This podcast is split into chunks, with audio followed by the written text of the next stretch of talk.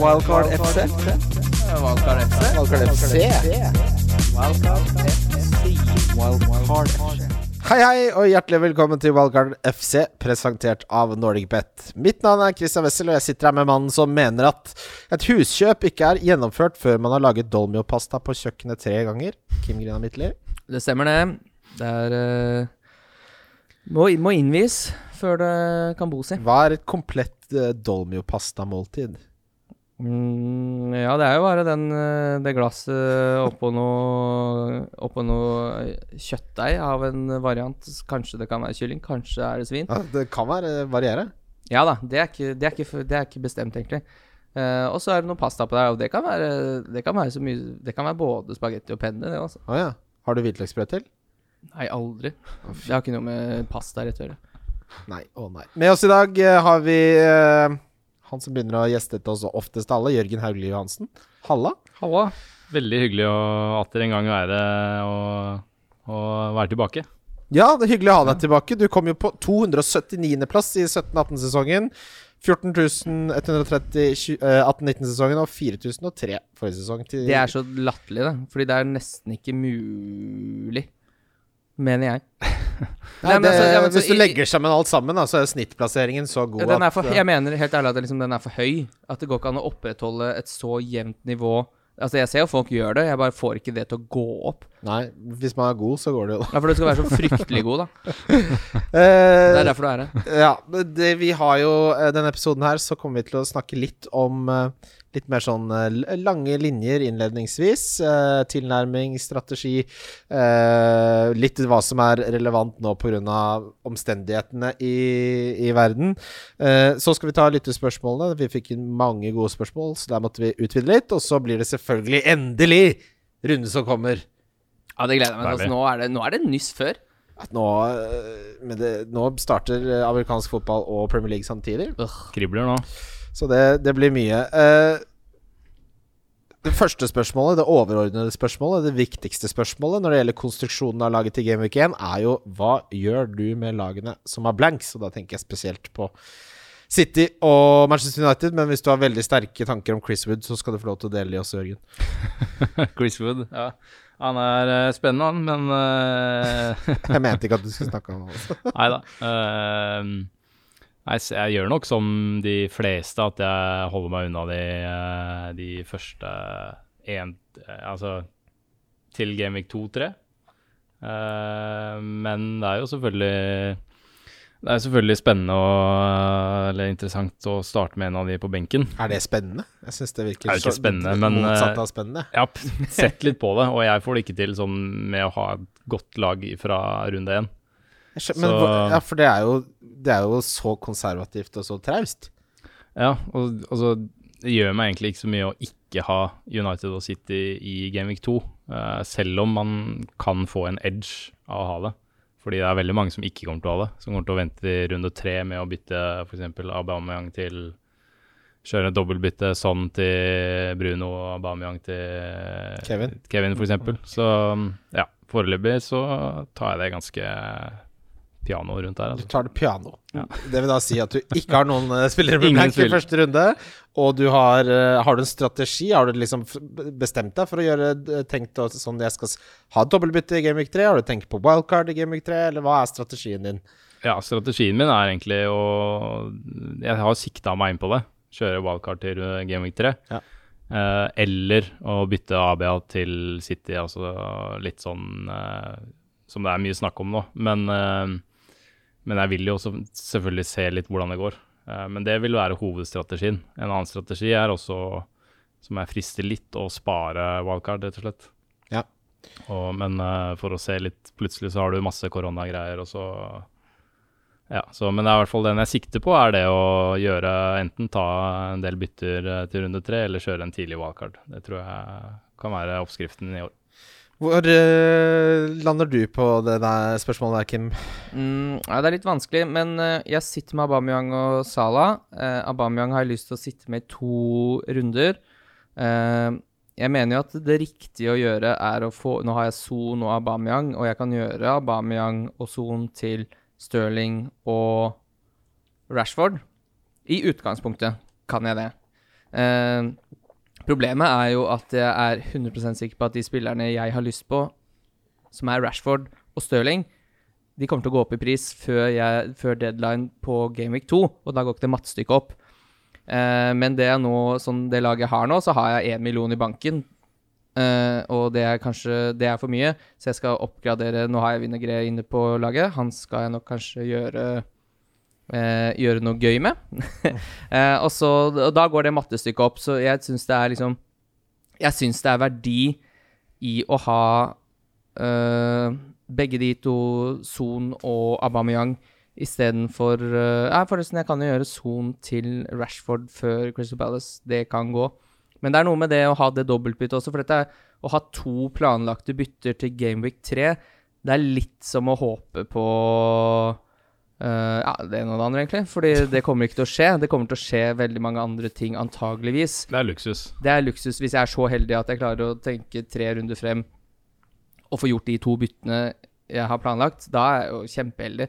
Men uh, det, det, er noe med det at det er så uh, Det er veldig mange United-supportere der ute. Det er veldig mange av de som er supportere sånn som de skal være. De har kjempetroa på prosjektet til Solskjær. Syns de ser veldig gå, uh, bra ut. De har ikke det har gått en hel gameweek i det spillet her uten at de kanskje har fått lov til å ha spillere fra laget, sitt lag, som de har veldig troa på. De kommer til å kjøpe, kjøpe det inn, og det er et problem for oss andre som gjerne skulle venta. Jeg har ikke så Det er ikke et must for meg å ha Rashford hjemme mot Crystal Palace. Ja, uh, for meg så er min tilnærming sånn at jeg har Salah og Bamiyang. Det er og sånn, som gir meg masse fleksibilitet med pris fram til Bare lynkjapp skyte inn, altså. Jeg vil bare ha Aubameyang i to runder. Så det er det som er litt av, uh, av mattestykket her. Altså at han skal jo ut. For jeg tror ikke det er forsvarlig å ha både Salah og Babeyang to spillere til tolv. Det tror jeg er for mye for å få laget til å gå opp når alle lagene er med i miksen når Manchester United og City er tilbake. Ja, to premium syns jeg egentlig er helt perfekt antall premiumspillere. Men uh, det som er fordelen, da, er at hvis man uh, Når man kommer til Gameweek 3, så vet vi så mye mer om Chelsea. Uh, som kampprogrammet fra tre snur. Uh, kampprogrammet til Arsenal snur jo også, så Aubameyang er en veldig fin kandidat å få ut. Vi, men hvis det da, som det alltid gjør, har skjedd mye mer at f.eks. en uh, Fire millioners forsvarsspiller kommer uh, kom på banen. At man uh, identifiserer hvilken til 4,5 som er interessant. Man kanskje mm. identifiserer den billigste til 5,5 på midten. Man, altså, det er så mye informasjon man kan komme, få til Gameweek 3, spesielt denne sesongen, som gjør at det å bruke et wildcard så tidlig nå har større verdi enn å bruke det tidlig i andre sesonger. Ja. Tror jeg. For det har vært spesielt sånn med Chelsea har kjøpt fem gode spillere. Tenk hvis Reece James plutselig er fast på bekken her, da. Han skapte nest flest store sjanser etter Robertson forrige sesong. Jeg har han fra start, så jeg håper det stemmer. Jeg har jo egentlig aldri Jeg tror aldri noensinne jeg har brukt et tidlig wildcard. I hvert fall ikke før Gameweek 15. Nei. Så, men i år så ser det jo veldig sånn ut. Men samtidig så er det jo litt den der uh, fear of missing out, da. At uh, ja. man må ikke, trenger ikke nødvendigvis uh, være Altså, det er masse spillere man ikke kan få, rett og slett. Mm. Jeg, jeg, er litt uenig i det at det er en sesong for å ha tidlig wildcard. Jeg syns det er motsatt. Det er så mange usikkerheter. Nå er plutselig Laporte og Marius ute med, med, med, med covid-19 uh, uh, De er i karantene, rett og slett. Så de, de skal ikke spille. Jeg synes det er sånn det, det, er så mange uforutsette ting som kan skje her. Det kommer en double gameweek i første halvdel av sesongen som vi vanligvis ikke har. Mm. Jeg syns det er sånn å bruke wildcardet bare fordi man skal liksom kaste seg på Armstrong til 5-5 fordi han dukker opp til deg, veldig verdi, ja. og litt sånn at, at det, det, snur for Chelsea. Det klarer du å liksom rokke deg rundt på to litt... runder ved å gjøre tre bytter. Men så Det er jo litt den at City og at ingen har City og United. Ja, det er selvfølgelig det at du ikke har noen verken City, Burnley eller United. Også mm. Stuart Armstrong er jo selvfølgelig ingen som spiller wildcard pga. Men uh, det er jo ingen tvil om at det laget man har Game Week 1 og Game Week 3, hvis man kunne velge, gjerne ser veldig forskjellig ut. For ha, det er så mange, mye informasjon vi mangler.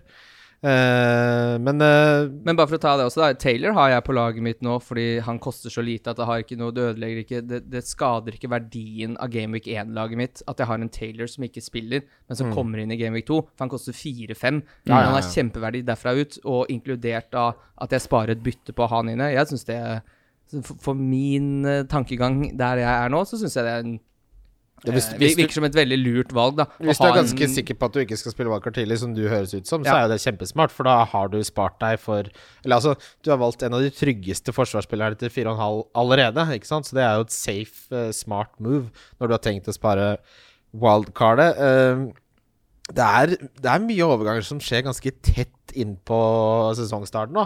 Ja, jeg får helt vannkopper av det som skjer nå. Fordi det er så Det, det rokker så utrolig mye rundt på ting. Det er bare det som foregår på, på bekken i Wolverhampton nå, så tett opp mot uh, uh, seriestart. Fordi ja, det kommer uh, spillere inn, men de, det er ikke alle som går rett inn på laget. Det er ikke Nei, sikkert Dockerty går rett inn på Spurs, f.eks. Selv om det er gått en stund siden den overgangen, så har det vært landslagspause i mellomtida.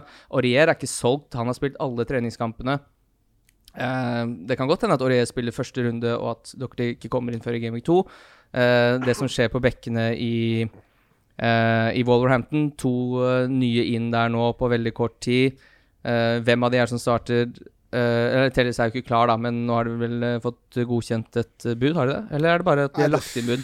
Det er, det er Ingenting er bekrefta ennå, men Men de, de kildene er sånne portugisiske kilder. Så Den det er er rimelig grønn, den linja mellom Porto og Wolverhampton, føler jeg. Ja, og så er det jo en uh, faktum at Porto ligger an til å bryte Financial Fair Play, så de må skaffe penger. Mm. Uh, så det kommer til å skje noe der. De har ikke et alternativ. å bare, De kan ikke si nei, vi vil ikke selge likevel. Det er økonomiske betingelser som, uh, som påvirker dette. Så det kommer til å skje store ting, kanskje etter Game Week 1 også. Mm. Det er jo en annen ting som taler til tidlig valgkart. Mm. Uh, men det er liksom, man kan vente og se. da Man trenger ikke å låse seg til én strategi. Det, hvis jeg skulle oppsummert liksom dette med strategi, så tror jeg, jeg tror det er dumt å spille på og sette opp laget på en måte som gjør at jeg liksom nærmest må wildcard i Game Week 3. Det tror jeg er dumt. Eh, jeg tror det er dumt å spille på og sette opp laget på en måte som gjør at man absolutt ikke skal gjøre det heller. At man gir, gir seg selv litt slingringsmonn mot begge strategiene, da. Mm. For jeg, Det kan godt hende jeg er naiv, men jeg legger nå i hvert fall opp til at jeg ikke skal kjøre det, og i verste fall Ja, så, ja, så spiller jeg wildcardet, da. Ja, i, Så- i vers, så, ikke sant? I får- vers, så, får, så får jeg akkurat de samme spillerne som alle andre som kjører wildcard. Det er jo ikke, det er jo Ja. ikke verre enn det. For det er jo bare da, da I å aktivere wildcard, ja, så sletter jeg jo den strategien jeg hadde, da, og starter på nytt. det er jo fordelen med å kjøre strategien du Kim. Fordi i verste fall så er det bare å trykke på knappen. Mm. Eh, strategien hvor du legger opp til å ta et wildcard, da kommer du deg ikke unna det, hvis det er det du har lagt opp til hele tiden. Da blir det hits galore, da, og det vil vi jo alltid unngå. Eh, et annet spørsmål som jeg og Kim eh, reflekterte litt over, som Vi reflekterer veldig mye. Jeg går rundt og reflekterer. Det Fryktelig måned. Nei, det gjør vi selvfølgelig ikke, vi er voksne mennesker. Men uh, hva bruker du som basis for spillerne du velger ut i troppen din i Game Week 1, Jørgen? Uh, det er hovedsakelig fjorårets sesong. Eh, Post corona restart, liksom? Ja. Ja, Og, og rett og slett altså For eksempel nå har jeg jo double, double Liverpool eh, i forsvar. Og de har litt sånn eh, variable fixtures i starten, men eh, med både Trent og Robertson så er det jo de eh, offensive poengene man jakter også hovedsakelig. Eller ikke hovedsakelig, men også, da. Um, så det, hovedsakelig det, fjorårets sesong. Eh, jeg husker i fjor så var jeg veldig på preseason. Kjørte Barkley, kjørte alle gutta som leverte, og bare um, fikk en helt elendig start. Ja, Den Så- visen der har som oftest en eh, trist slutt. og Det det i forrige fjor òg, husker jeg Sanchez var helt rå preseason for United. Jeg kjørte han, starta med han, gjorde ikke ingenting. Så det Jeg har en veldig sånn eh, Veldig Hva skal jeg si Jeg forholder meg ikke så veldig mye til de preseason-kampene, bortsett fra sånn at man ser de der eh, som starter de Hvis du ser en fire spiller eller fire og en halv som gjør det sinnssykt bra, Ja. så er det naturlig å tenke seg at han starter. Eh, men ja. Ja, altså den, eh, Det er fort gjort å bli historieløs, men, eh, og jeg har veldig dårlig hukommelse bak av sånne ting, men den eneste jeg husker som på en måte virkelig ble hypa før gjennom en veldig bra preseason, og det stemte, det er jo nå nysignert uh, Nei, det er Ryan Fraser. Ja. Det var jo derfor han kom på blokka til alle. Han hadde utrolig mange målpoeng for Bournemouth før eh, sesongen starta der. Mm. Og det var liksom et tog som gikk, og Ja. det stemte. Mm. Det er vel nesten Det er den eneste jeg husker, for stort sett så er det stikk motsatt, da. Ja, Bisken var jo også en sånn som uh, kosta fire, og som hadde høyrebekkplassen her, og som alle bare Ok, han starter hver eneste. Det, det jeg syns uh, preseason er det mest nyttige Eller den mest nyttige måten å bruke det på nå, er bare å se ok, hvem er det som er eh, kampfit. Hvem Ja. er det som har fått nok minutter og ikke hatt langt nok opphold mellom eh, Altså det å spille faktisk fotball, Mm. som gjør at man kan være trygg på at de kommer til å starte? Ja, men det, er litt, det er litt to forskjellige ting her, da. Fordi Ryan Fraser viste på en måte form, mens Wambisaka viste bare at han spilte. Og til, eh, til å vite hvem som spiller kamper, så, så fungerer det jo eh, i hvert fall bedre. Jeg syns det, er- det er en bedre pekepinn enn på hvorvidt spillere er i form eller ikke. For det er noe helt annet å spille i ligaen enn å spille Ja, treningskamper. form i, form i preseason. altså, jeg har sett Al er, er det noe litt jeg har sett? Alberto Aquilani herje for Liverpool, men uh, gudene veit han ikke var spesielt god når eh, ligaen starta. Nei, Newcastle uh, har jo spilt preseason hvor de først tapte 5-1 mot Middlesbrough, som så vidt ikke rykka ned fra det, det, altså, det sies da i Newcastle-pressen at en av grunnene til at de fikk fart på seg til å signere Callum Wilson, Ryan Fraser og um, uh, Jamal Lewis fra Norwich, uh, som er på, rett på vei nå, var at de sa til Mike Ashley Ok, nå taper vi 5-1 mot Middlesbrough. uh, og etter det så tapte vi mot Stoke, så du kan på no, på, for vår del var det positivt å bli rundspilt uh, i preseason. Vi kommer til, selvfølgelig tilbake til nysigneringene til Newcastle uh, etterpå. Det er jo Jeg hadde aldri trodd at det skulle bli så mye fokus på Newcastle-spillere i den episoden, men der ser du hvor mye som skjer så tett opp mot sesongstart. Siste litt sånn mer langsiktige, overordna eh, spørsmålet er Og det der hadde du en del å komme med også, Kim. Men dette med spillestil, for det er veldig mange som spør um, ikke sant, Formasjon, eh, bør man se på stats, bør man, hva, hvordan skal man spille osv. Det er vel litt sånn Det kommer an på hva du ønsker å oppnå, Kim. Ja, altså Hva er ambisjonsnivået ditt uh, i fancy? da? Hvor mye, hvor mye tid har du tenkt å legge inn i det? Hvor eh, mye skal du faktisk ha det gøy med det? Uh, altså Det er veldig gøy å legge ned mye tid i det hvis du, hvis du liksom kan bruke så mye tid og legge på en måte følelsene litt til side, for da kan det gå veldig bra. Men det syns jeg på en måte blir Det synes jeg er litt kjedelig. og derfor så havner jeg også litt sånn midt i Ja. Ofte jeg havner min Mine beste sesonger er 11 000 og 15 000. Kommer jo ikke inn i det toppsjiktet. Eh, så det er sånn Det er så mange forskjellige eh, Vi får veldig mange lyttespørsmål, og det er veldig forskjellig hva folk eh, legger i det ja. spillet her. ikke sant? Ja, ja, Fordi jeg- eh, skal du slå er, Hva slags miniligaer er du? Spiller du med folk som eh, Som på kontoret, f.eks., som kommer til å ha eh, Harry Kane som kaptein i 18 runder i år, eller spiller du med folk som har Che Adams inne på laget sitt nå til en, på en eierandel på 2-5 fordi han har så gode underliggende stats? Mm. Eh, det har litt å si for hvordan man svarer på spørsmål som kommer inn. da. Ja. Mm. Det, det er veldig stor forskjell på disse ligaene, og på et eller annet tidspunkt så må man Altså, man kan alltid si eh, sånn Går man for miniliga eller overall, så bare Nei, det er bare å gjøre det best mulig på begge. Det er det enkle, dumme svaret. Men for mange så er nivåen på miniligaen et helt annet uh, ballgame enn den overall-ranken. Det finnes ligaer du kan vinne eh, rubbel og bit og komme på 100 000 overall, liksom. Mm. Eh, og da blir det litt andre Og det er stort sett nesten sånn vanlig liga. da, At du Ja. vinner når du er Er du 30 000 i verden, så vinner du ligaen din med 50 poeng. Ja. Og så er, det- ja. Det er jo også det å I hvert fall min ambisjon har i hvert fall vært å Etter eh, Når jeg først begynte å gjøre det bra, så husker jeg hadde Det er en eh, god barndomskompis av meg, og vi begynte å spille fancy ganske likt, egentlig. Og han gjorde det alltid veldig mye bedre enn meg. Han vant alltid og var ganske sånn hovmod rundt det.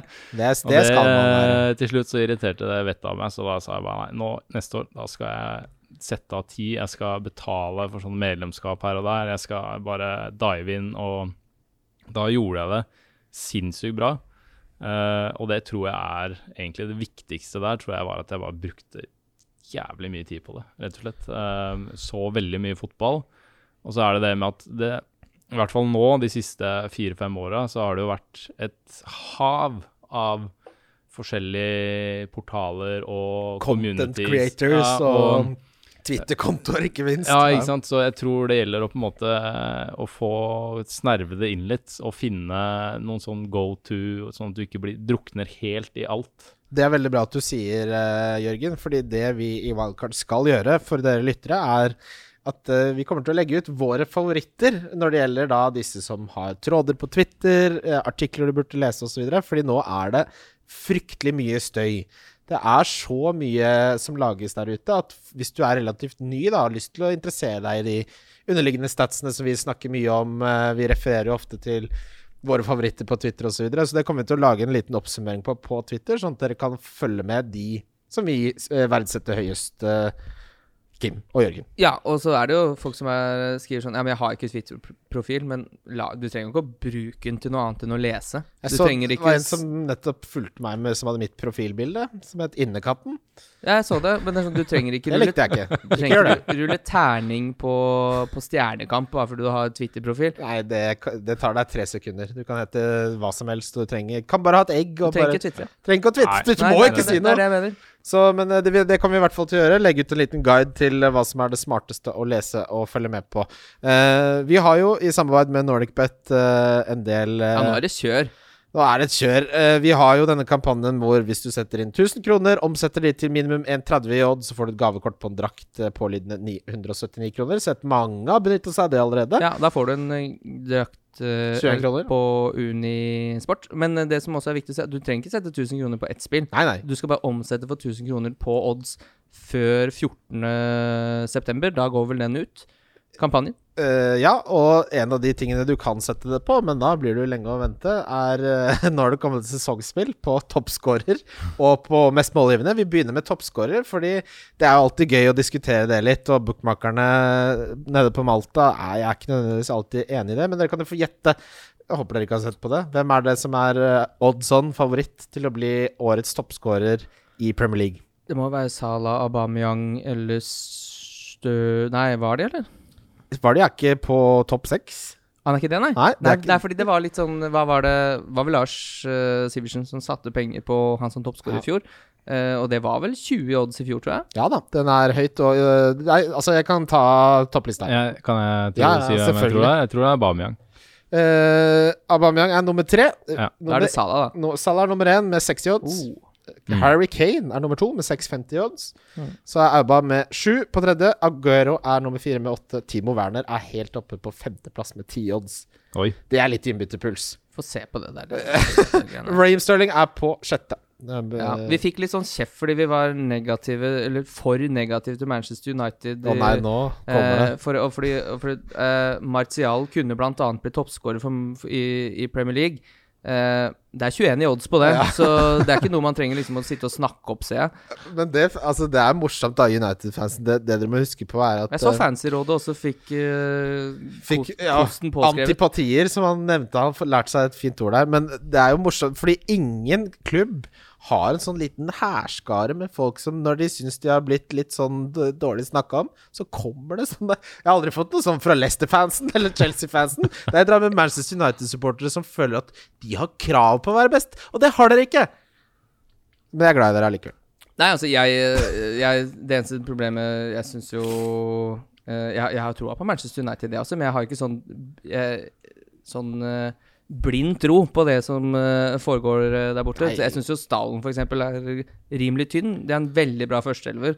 Men utover det så ser det egentlig litt tynt ut, eh, spesielt bakover. Ja, det, jeg er jo United-supporter. Jeg er ikke fornøyd med, med overgangsvinduet foreløpig. Vi må bygge opp i Startenvaren er fin, men eh, benken er jo altså, Det er jo fortsatt Lingard, det er fortsatt uh, Jeg tenker at han fortsatt er Manchester United. Men du, han har jeg, som jeg har snakka så mye negativt om. Der må jeg faen For en fantastisk fyr! Men der må jeg Ja, spise opp mine fyr. ord også, for det har ikke jeg fått med meg. Jeg leste en artikkel om eh, det der at man liksom Det er så lett å kritisere og slenge dritt om fotballspillere, og der må jeg gå litt i meg sjæl, Fordi han har jo sagt at hans mor ble veldig sjuk, og det gjorde at han gikk eh, i kjelleren, og da er det ikke så rart at man ikke presterer på fotballbanen. Så der er det, er Altså- det, på, der er det på sin plass med vet du hva, en beklagelse. For det er ikke så greit å sitte og slenge dritt og sånne ting når du ikke aner hva som skjer i folk sine liv. Så der beklager jeg Jesse Lingard.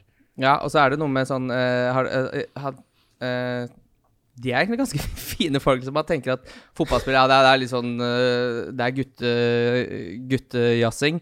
Så Og det er det jo litt også, men de er veldig sjarmerende, alle de videoene med det eh, Hvis du ser på sosiale medieplattformene til Manchester United, den eh, den loven mellom han og Rashford det er utrolig fascinerende. De er utrolig gode venner, og da skjønner man bare sånn Ja, så klart han passer jo De vil jo ha en spiller Mm. som eh, Lingard i spillergruppa. Han er en fantastisk person. Også Rashford har gjort mer for det de svakere stilte britiske folk på ett år enn det de siste to britiske statsministrene har gjort på åtte år. Så Ja, og så er vi litt kritiske til Solskjær. Men altså, han har vært trener for Manchester United og Molde og ikke vunnet noen ting siden 2013. Det er- begynner snart å bli ti år siden. Ja. Så det er sånn Det er Det er, det er, det er, det er, det er, kanskje, det er kanskje litt mye, men det er ikke tatt helt ut av det blå. Den uh, uh, Fordi det er sånn uh, og det er noe, Man blir liksom motstemmen til alle de mediene som skriver så mye om Solskjær, og alt får en positiv vri. Og man sier sånn Ja, men de var ikke så gode i den kampen der. Men så liksom Alt får en positiv uh, swing, bare for at det skal få klikk. Ja, og Og da blir det på en måte sånn Da skal man være motstemmen, og så blir, blir det litt for mye. ja. Mm. Og så blir det på en måte Da bikker det andre veien igjen. Ja, og det er jo litt det som skjer. Og så provoserer det meg at Manchester United-fansen har vokst opp med at de vinner alt og forventer å vinne alt. Og så det, jeg er født i 88. Jeg har masse Manchester United-supportere som kompiser.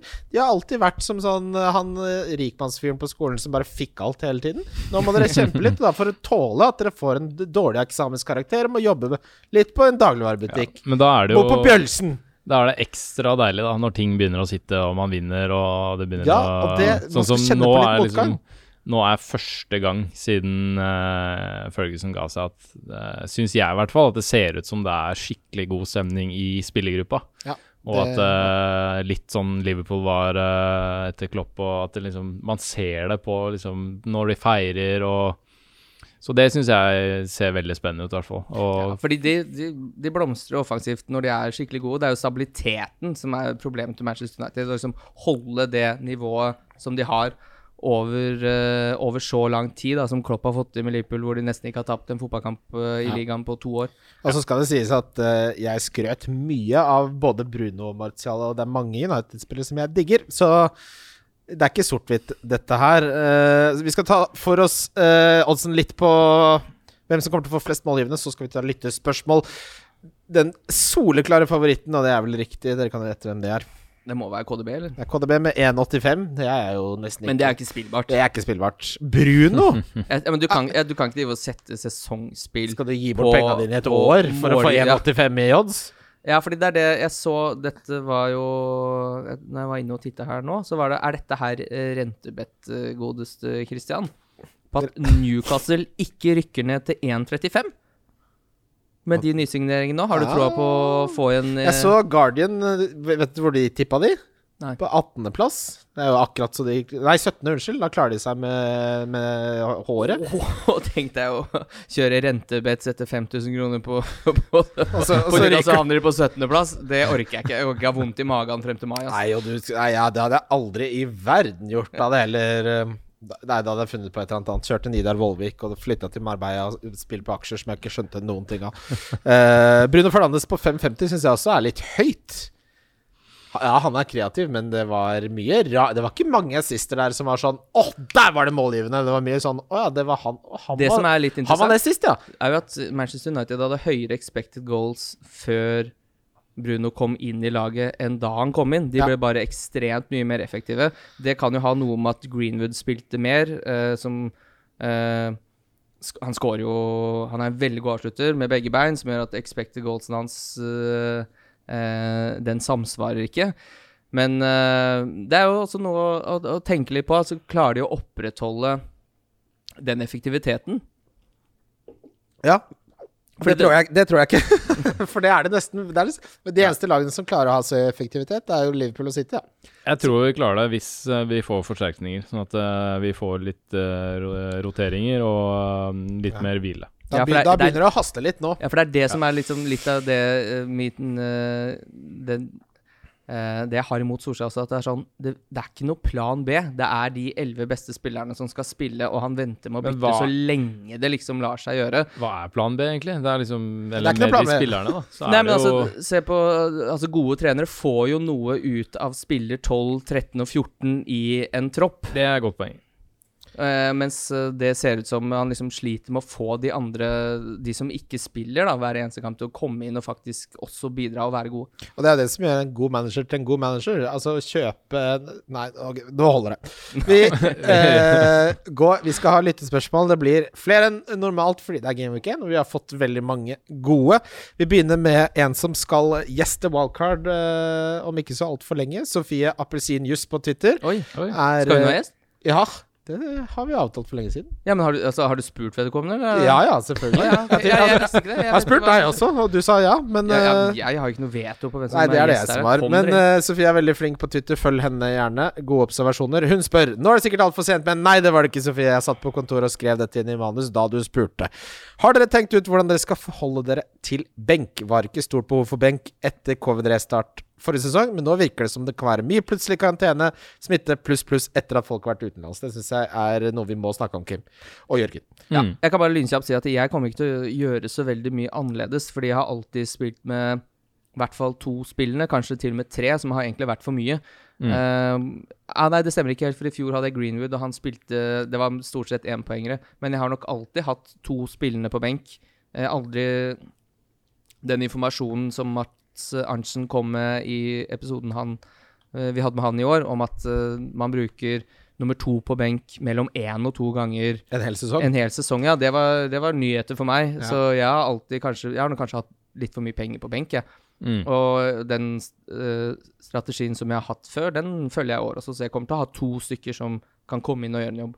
Jeg har aldri Jeg har alltid abonnert på samme som Magnus Carlsen. At eh, jeg er storfornøyd med én uh, spillende spiller på den benken. Jeg, hvis jeg kan unngå det, så gjør jeg det. Men én ting er dette med å ha spillende på benk, men en annen ting er den Hva er det du egentlig forventer at vedkommende skal komme inn med? Skal du ha så flaks at han snitter syv poeng inn fra benken din, da? Realiteten er at mest sannsynlig så sitter han på benken din av en grunn, og at du kommer til å få ett eller to poeng de få gangene du trenger han. Så det er spørsmålet om de millionene som du kunne brukt på litt bedre spillende spillere, eh, er mye mer verdt enn det de ett og to og kanskje en gang fem og sju fra benken eh, Men i, men i år, da, som er spørsmålet Ja, i, men i år er det jo kanskje litt annerledes, men jeg kommer ikke til å tilpasse min uh, tilnærming. Nei, jeg jeg er enig. Jeg tror eh, når Premier League starter nå, så kommer de til å være litt ekstra strenge på det i forhold til utenlandsreiser og sånn. Uh, så jeg tror det vi har sett nå av uh, sånne Greenwood. Ja, for eksempel det, eller andre ting. At, Ja, det det, at sånn, folk det er- blir, har blitt smitta. Ja, At det, Det er landslagspause mellom Game Week 4 og 5. ja, det Og. Da skal og de være de hermetisk lukka på Ja, et hotell. ja, men de slipper jo folk inn på hotellrommet sitt. Ja, det har de ikke lov sett. til. Da må de følge reglene. det, man ser det jo nå på Foden Ja. og Greenwood, men dette skjer. Men, men, ja. men tror du ikke det, det er veldig bra Dette skjer, det er mennesker Men tror du ikke det er bra som at skal vi, gjøre det her. at vi fikk det at Greenwood nå og Foden dreit seg ut nå, er så bra at det skjedde nå og ikke seinere? For nå ser de hvor ut Altså, jeg tror ikke de helt skjønner uh, seriøsiteten av å drite seg ut så jævlig, og nå får de et helt uh, fotball-Europas uh, oppmerksomhet mot seg på hvor jævlig idiotisk det var gjort, og kanskje andre tenker seg om to ganger da. Men har covid kommet til Island, da? Covid Nei, men- kjenner ingen grenser. Jeg ser, uh, ser poenget ditt, Kim, men, men jeg, jeg tror det kommer til å roe seg. Men hvis de ikke gjør det, så vil i hvert fall uansett min strategi være som, som deres. Jeg har et par ja. De er ikke isolert for familien sin. Det skal jo fortsatt være mulig å dra det inn. Altså, det er jo ikke verre enn at kona får det på Quickie Mart. Ja ja, men eh, da må du hun dra, ha på seg vasken hun drar Ja. på Quickie Mart, da. Folk må oppføre seg som voksne mennesker. Da. Man kan ikke forvente at de er idiotiske kjøtere. Men de er er jo det Ja. over Altså, tenk men da men ikke du- når du er, spiller i Premier League. Da får du faktisk Ja, men- lay down the Ja, law men- og ja, si men- Vet du hva, du har ikke lov Ja, til å dra se- på Quickie Mart! Men se på se, Herregud! Ja, men se på, se på, se på den der grotte, grottegjengen, da. Som ble men tatt- de så- spiller ikke Premier League, Kim. De tjener ikke 50 millioner i året. Nei, men de, det, de er jo ikke det. Altså, det Problemet er at det går over tid. At til slutt sier sånn Vet du hva, nå begynner jeg å bli ganske lei det covid-greiene. Nå har jeg lyst til å bruke alle de pengene Ja, da- jeg tjener. Nå har jeg lyst til å være litt Porsche. Nå skal jeg ut og handle. Ja, eh, og da kan det komme smitte. Hvis, Det kan komme smitte. Jeg bare sier at hvis du er bekymra for det, så bør du ha en stor benk.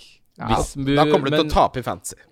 Ja, altså, det er sikkert en grei strategi. Jeg kommer ikke til å gjøre det, i hvert fall. Jeg kommer til å kjøre og ta det der litt som det kommer. Er man superuheldig, og du har plutselig to-tre spillere som bare er smekk, eh, røde og korona, så er det kjedelig. Men å på en måte tenke og ha- det liksom i tankene hele tida konstant når man skal gjøre bytter og sånn. Det Foreløpig nei, i hvert fall. Det er som å sette litt- pengene sine der, Det er som å være milliardær da sette pengene dine på brukskonto, for du er så redd for at det skal bli borte. Du må være litt Ikke være så redd for alt, men det er Det er selvfølgelig snakk om, det er, snakk om eh, Det er ikke så stor forskjell.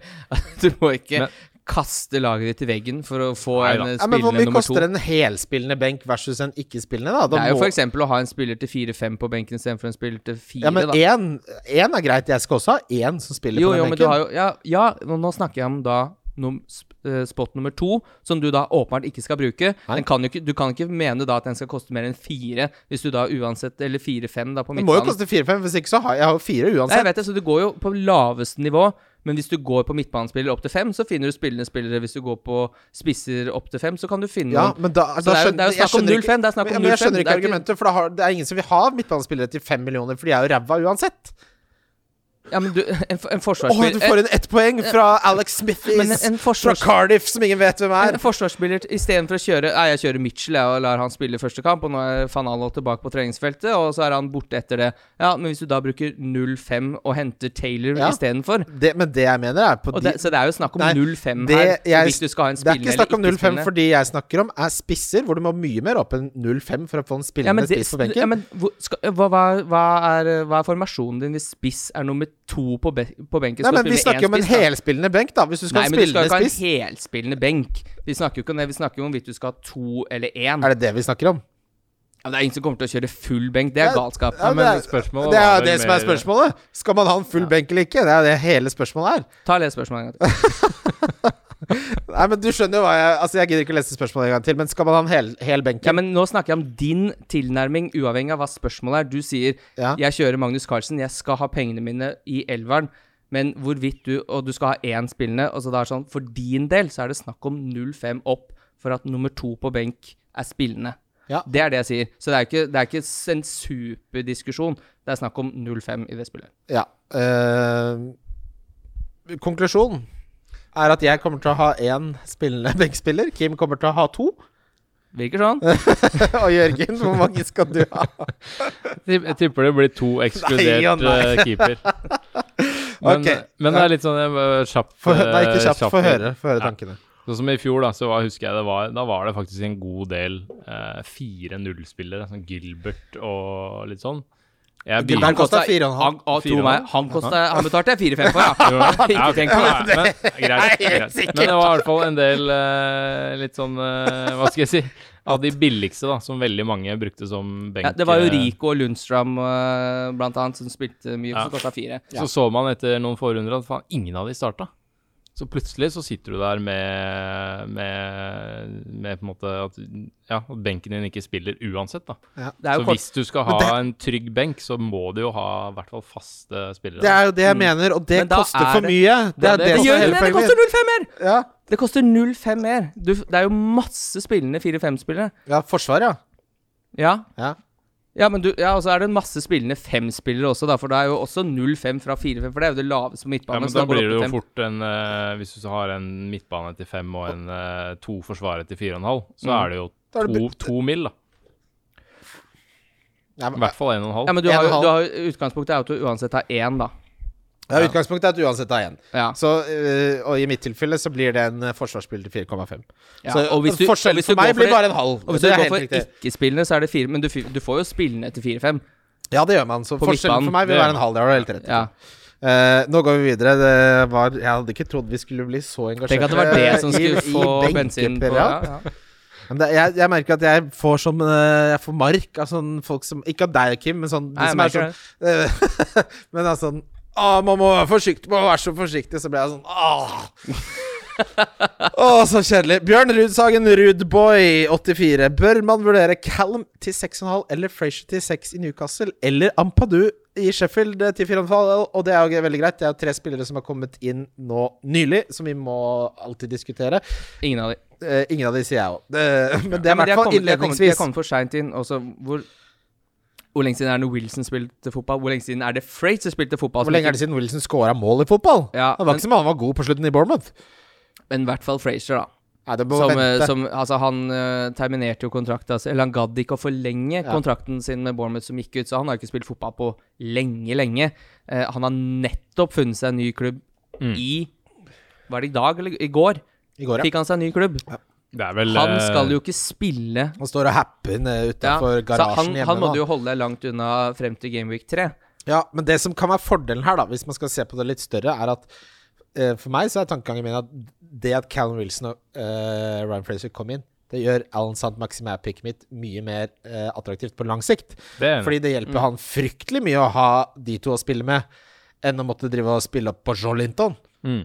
Og Dwight Gale er jo skada nå, men Andy Carroll, da, hvis du skal bruke han. Andy Carroll driver og putter som en gal ja, i treningskampen. jeg ser det. jeg ser det. Men, Men, jeg er eh, enig, enig sånn i forhold til, til der at det er vent, vent å se på, på Wilson og Frazier. Og han siste Ampadu er jo på utlån fra Chelsea. Det er, de har jo henta to backer også nå, Sheffield United. Eh, så nå er det rotasjon, mye rotasjon, tror jeg, i forsvaret der. Nå jeg, tror jeg det blir vanskelig å finne en. Han koster jo 4,5, som er fristende, men han kommer ikke til å gå rett inn på det laget der. Tenk deg hvor satt det var i forsvar forrige sesong. Ja, altså Han var ikke Mm. noe fyr som uh, roterte nesten i det hele tatt. Bortsett fra på spiseplass. Ja, hvor det var uh, Ja, enig. Eh, så der også sitter jeg helt og tar det lugnt. Jeg syns jeg er litt for dyre, de som, de som er der. Så venter man og ser hva det er som skjer, og så kan man er det et, eh, sikkert et ganske stødig og fint tog uh, seinere i sesongen. I hvert fall det snur noe fryktelig for de i, uh, i Gameweek 8 for Sheffield United. Mm. Da har man masse informasjon. Kanskje det har kommet inn en uh, som gir mer verdi enn det som jeg syns det ligger i laget nå, for det er ganske høyt prisa bak der. Ja, Eh, så kan jeg kjøre det derfra ut. Uh, For å uh, oppsummere litt, uh, har dere noen Newcastle-spillere ned i uh, siste utkast? eh, ja, jeg driver og lefler litt med Lacelle. Ja. Jeg har Alan St. Maxime. Han har vært i hvert eneste utkast jeg har hatt siden det åpna. Siste utkast som ikke er siste utkast, så har jeg en, ja. Ja. Har nå. Uh, har du noen fra Sheffield United? Nei. Niks. Det blir nei fra meg også. Uh, Sinedin Sintedan. Fin en. Fin en. Tørk. Uh, Christian Wessel kjører like hard linje i forhold til hits. Det er ikke som man bruker i forhold til. Men hvor mange hits uh, kan man forsvare i runde to-tre for å spare wildcard? Man må jo nesten komme seg på pengetoget som går fra Manchester. Er det, er det du som har stilt dette spørsmålet, Kim? Pengetoget? Pengetoget til Manchester. Dette er jo Kim-snakk av en annen rang. Ja, det er gøy å krydre språket litt. Jeg har allerede sagt uh, Sinedin Sintedan Jeg likte den, den er fin den. Uh, at jeg skal ikke ta med en minus 20 denne sesongen heller. Det funker, det funker kjempebra. Nei, altså hvor mange hits er det du skal Altså hvor dårlig skal utgangspunktet være før du ikke klarer deg med én hit før Gameweek 2, f.eks.? Og da har du jo fått inn antageligvis Hvis du tar Si du tar hit, da, Ja. uh, før Gameweek 2, så har du, da må du ha fått inn en fra City og en fra Manchester United for Ja. å forsvare å bruke den hiten. Og hva i alle dager er det du skal drive hit skal for i Gameweek runde 3 da, igjen, da? ja. Nei, så det Hvis du tar to hit før Gameweek 4 Eh, så syns jeg fortsatt det er bedre enn å kjøre wildcardet. Men før det så har du jo starta helt feil, så da må du jo nesten bare slette laget ditt og starte på nytt Så kjøre det wildcardet. men det, er jo, det er jo mange som bruker Eller jeg har sett det At det er en del som Ikke mange, men det er en del som har det som strategi. At de hitter jævlig mye i starten for å komme seg på det pristoget. Og for å bare mate opp verdien Mm. så fort som mulig. Og det er jo ofte i starten at de spillerne virkelig går opp Pengetogene går gjerne i starten. 0-2-0-3 Ja. på en uke, da. Så det kan være en uh, Da kom- kommer vi tilbake til hvor mye er et wildcard verdt, ikke sant? Hvis du skulle sette en poengsum på et uh, I år syns jeg det er umulig å si. Ja, for i år, i år syns jeg det kan være alt fra 18 til nærmere 40. 36, kanskje. Jeg, jeg, har ikke noe Ja, nei, det er så, det er så mange variabler inni det mattestykket. Det, men det jeg tenker i hvert fall denne sesongen, er at de hitsene jeg skal ta, de skal jeg spare til ekstraordinære situasjoner. F.eks. covid-19 eller en uventa avlysning eller whatever. Da forsvarer Når du har sånne situasjoner hvor et hit egentlig bare er minus to, Ja, for de gjør sånne der dessertbytter eh, til minus fire i år. Det, Det har man ikke. Nei, det hører egentlig ikke forrige sesong til heller. Eh, så nei, det ville jeg holdt meg unna. Hvilke forsvarere til 4,5 ligger det mest verdi i, spør Fantasy-kjøret. Han er sånn Han har ikke Twitter, men så hører han på Wildcard, så har han lagd seg Fantasy-kjørekonto for å være med. Perfekt er nydelig. fantasy-kjør. Nydelig. Eh, Men spørsmålet er jo dritbra, for det lurer jeg på å svare på. Hvilke forsvarsspillere til 4,5 ligger det mest verdi i? Det, mm, jeg vil si at det spørs på at man må finne en rotasjon, da. Uh, rett og slett. Uh, lese litt opp på det. Det finnes veldig mye rot rotasjoner der. Men selvfølgelig eh, sånn Det er jo noen som skiller seg ut. Uh, Hvem er det? for eksempel uh, Walker Peters. Mm. nå som veldig mange Min favoritt også. Ja. Uh, Vinagre, selvfølgelig. for å Han kan spikre Ja, hvis Han blir solgt. Ja. Men hvis, hvis han ikke blir solgt, da. Eh, Men jeg syns altså, jo Taylor på Burnley og Walker Peters er de som, som stikker seg ut litt til 4-5 der. Som jeg tenker Mm. at over en hel sesong så kan de produsere målpoeng og ha eh, dugelig med, eh, med clean sheets. Justin også syns jeg ikke er Ja, men de skal vel kjøpe inn noe ja, nytt Fram til de kjøper inn mer backer der, så Ja, men da er det sånn Skal man drive og hente Altså eh, Taylor og Walker Peters føler jeg liksom jeg kan sitte med lenge. At den verdien syns Ja, jeg på en måte den, uh, De kan jeg Altså, det er noe med Jeg så en analyse på det På de som liksom hadde, en som hadde kjørt analyse på en av de som hadde gjort det bra, at han, gjorde veldig få bytter i forsvar. Ja. Fordi det er jo på en måte form i forsvar. Da går det mer på lagform, som også kan variere mer. i stor grad. Mens, mens offensive spillere som er i form, det er jo på en måte der du vil bruke byttene dine Mm. på å flytte deg, flytte deg rundt. Så hvis du på en måte får banka inn Taylor og Walker Peters som Ja, si, si, vi, vi tror vel at Taylor kommer til å spille ganske mye, ikke Ja, sant? ja, ja. Så at de Ja. bare kan være sånn nesten set and forget før jeg skal kjøre et uh, wildcard, kanskje i Gameweek Ja, gud veit når det skal bli, da. Men at de kan Jeg syns de har veldig fin verdi. Eh, to fine bekker som uh, jeg tror jeg på kan produsere gjennom en hel sesong. Kan godt hende de blir med hele sesongen hvis de, Leverer greit, leverer greit. Så er det gjerne Vi ser jo det at det er jo ikke store Av de 4,5 forsvarsspillerne som starter, så er det ikke fryktelig stor eh, differanse mellom de beste og de dårlige. Lacelle har jo du vært inne på, Kim. Jeg, jeg jeg liker jo liker han òg. Jeg liker også Jeg liker det faktum at han er kaptein og spiller alt når han er frisk. Det er Mm. et eller annet veldig trygt med det. Kampprogrammet til Newcastle er jo også fint. Men Følger- det er ja. Jeg følger litt med på han eh, Jamal Lewis som de har kjøpt fra Norwich, eh, som det blir snakket veldig positivt om, og som kommer til å ta venstrebekken, som har vært et problem for Newcastle nå i tre år. De er glad i kjappe bekker, Newcastle. Ja, hvem er ikke glad i en kjapp bekk? Nei, jeg vet ikke. Kjenner ingen. Men vi altså, vi legger det at hvis man har en, en strategi om å ikke kjøre et tidlig wildcard, så ville jeg jo funnet den først og fremst en eh, sånn du, Du har eh, en eller to, eller en premium og en uh, mid-priced, holdt jeg på å si. En kanskje, eller to premium. Eh, jeg kjører det, eksempel. Og så kjører du en rotasjon på tredje forsvarsspiller, så kjører tre bak, da. Og da gjelder det å finne tre lag som roterer bra i de første Ja. 10-15 rundene, da. Og da er det jo Hvis du klarer helt det, så er det jo For da omgår du jo litt problematikken som gjerne preger Altså, Hvis du har 4,5-spiller, og han har forferdelige fixtures, så sitter du jo litt i saksa som oftest. Ja, Har du en treveisrotasjon, da, så kan du Det fins jo rotasjoner, det kommer vi også til å legge ut, hvor du har lag som ikke møter et topp seks-lag som motstand langt ut i mars. Mm. uh, og da begynner man å snakke men er, altså fordi Vi har jo snakket om rotasjon på keeper, liker vi ikke, men akkurat på sånne 4,5-spillere i forsvar, så er det en legitim strategi. Det, det er nok en strategi jeg kommer til å legge en del vekt på jeg, i år, i hvert fall. og da skal jeg få din rotasjon. Så skal jeg stjele den. Før vi eh, skal videre i runde to med lyttespørsmål, så har vi endelig eh, fått muligheten til å sette opp en trippel, og endelig skal det lykkes. Jeg ser vi har to like lag her. Jeg har da at Arsenal skal slå Fulham. Jeg har at Newcastle skal slå Westham, som er så på felgen nå at Karen Brady, en av toppsjefene, skrek til David Moyes gjennom garderobedøra at han hadde fått sparken. Uh, Men han bestemmer ikke det. Hæ? Men han bestemmer ikke det. Nei, det er jo Gold som eh, bestemmer det. men vi får Ja, se. Ja, for han har ikke sparken? Han har ikke fått sparken. Nei. eh, men at Newcastle skal slå det Westham-laget her, som er i oppløsning, og som solgte en av de mest populære unge spillerne for å kjøpe Tarkovskij, som de ikke har fått til for Sheffield United er god til å forhandle. Nei, dette kan eh, Newcastle uh, ta. Det var gode odds på det også. Og at Chelsea skal slå uh, Brighton er mitt siste valg på trippelen. Det får du ti i odds på. Den er boosta ca. 20% som vanlig. Ja. Jeg har også Arsenal.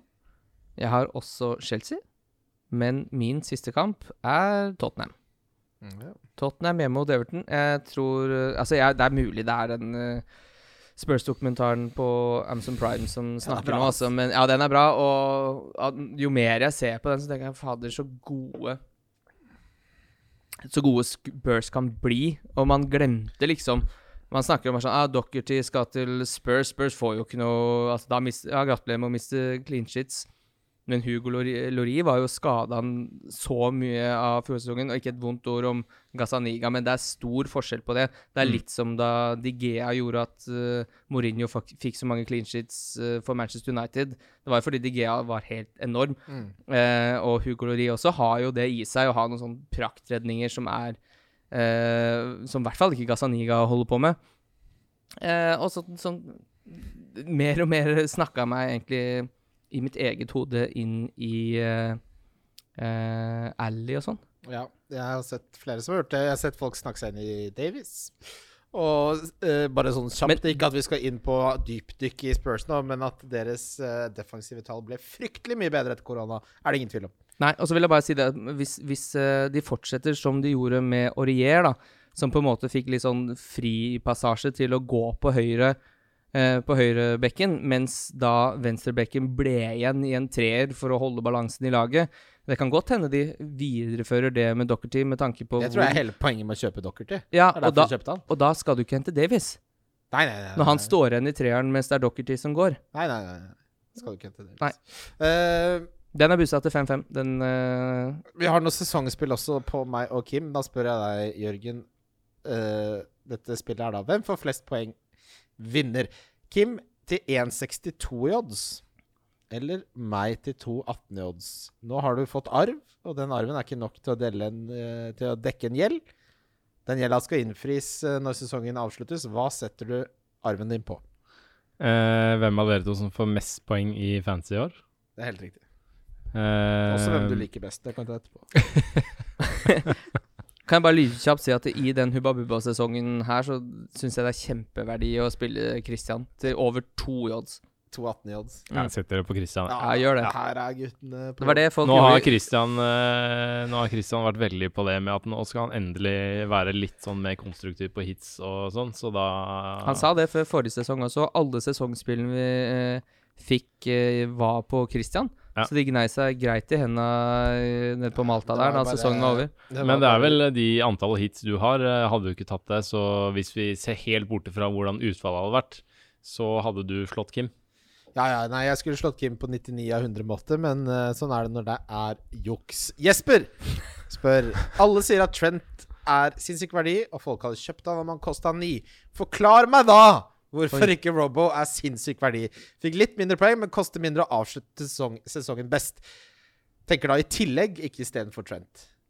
Ja, jeg syns det spørsmålet er legitimt. Ja, Det jeg er var eh, solid. Mm. Og du har jo to Liverpool, så du er vel enig med Jesper her? At uh, hvorfor ikke ha jeg, Altså, jeg vil heller ha uh, Robertson enn en midtbanespiller til sju nå. Jeg syns ikke det er noe veldig verdi i de midtbanespillerne som koster rundt sju. Mm. Ja, jeg, jeg kan jo si altså, Eller jeg har begge eh, nå, så Men eh, jeg var litt sånn Fordi i fjor så så vi at Robertson Eller forrige fjor så var det jo helt eh, der oppe, begge to. Og så i fjor så var det Trent som kjørte skuta, egentlig, bortsett fra etter koronaen. I hvert fall i forhold til eh, underliggende tall, da. Ja, Da kom Og flest fleste sist også. Ja. Så, så det er egentlig mest basert på det at jeg har begge, men, uh... Det er lov, det. Det er derfor, det er derfor du har begge. men, På hvor, grunn av det resonnementet. men uh, jeg tror rett og slett de fleste har Trent uh, av den eh, Eller fordi han har et lengre Eller det er, hva skal jeg si, det er mer å bygge de tallene på, da. Og i hvert fall Så har han jo frispark og sånn, da, men eh, jeg, jeg, Ja, det er akkurat det. Ikke minst. Det er selvfølgelig ikke det er noe av det viktigste. Jeg har ikke noe måte imot å kjøre begge. Jeg syns ikke det er noe dum strategi, det. Eh. Det, det eneste er jo at ja, Nei, du, de defensive tallene til Liverpool var ikke topp fire gang etter korona, så du er avhengig av de målgivende. Men han har jo også Han lå på topp fem på oddsen på flest målgivende på sesongen, og det er en grunn til det også. Ja, altså Han hadde tolv sesongen før og tolv nå Ja, ja. i den sesongen som var. Så det, det, det blir nok eh, sikkert Han kommer til å lande sikkert på ti assist. Minimum, da. Ja, ikke sant. Minimum. Ja. Det eneste som jeg Det du betaler liksom det litt ekstra De begge tar litt dødballer og, eh, og sånn, men det eh, det, det som er, det er ikke noen gode frisparkføtter i Liverpool, mens Trent er veldig god på det. Ja. Mm. Så jeg tror Trent kommer til å score på to frispark i løpet av denne sesongen her. Eh, og sånn som Liverpool bygger opp spillet sitt, så er det ikke eh, det er, ikke, det er ikke ofte du ser Robertson komme på det sugende løpet på bakerste stolpe der og scorer. Eh, og han er ikke noe god til å skyte Robertson. Nei. Eh, langt derifra. Nei. Så det er sånn du, er- du er nesten litt heldig hvis du ender opp med to mål på Robertson i løpet av en sesong. Men det er vel mest assistene, altså de Ja. gjennompasningene til Mané og innleggene der. Men, men så er det også eh, Bare skyte inn det at sikkert Eller hovedårsaken også. Eller en av de store grunnene da, til at de fleste velger Trent kontra Robertson, er jo eierskapet også. Altså det frykten for å ha en som ikke Men hvis ikke jeg måtte velge mellom de to, så er svaret Trent 1000 av 1000 ganger. Ja, men hvis eierskapet hadde vært litt uh, mer balansert, så hadde det vært uh, vanskeligere for meg, i hvert fall. Ja. Fordi jeg liker å i hvert fall ha noen av de, de som ekstremt mange andre har, da.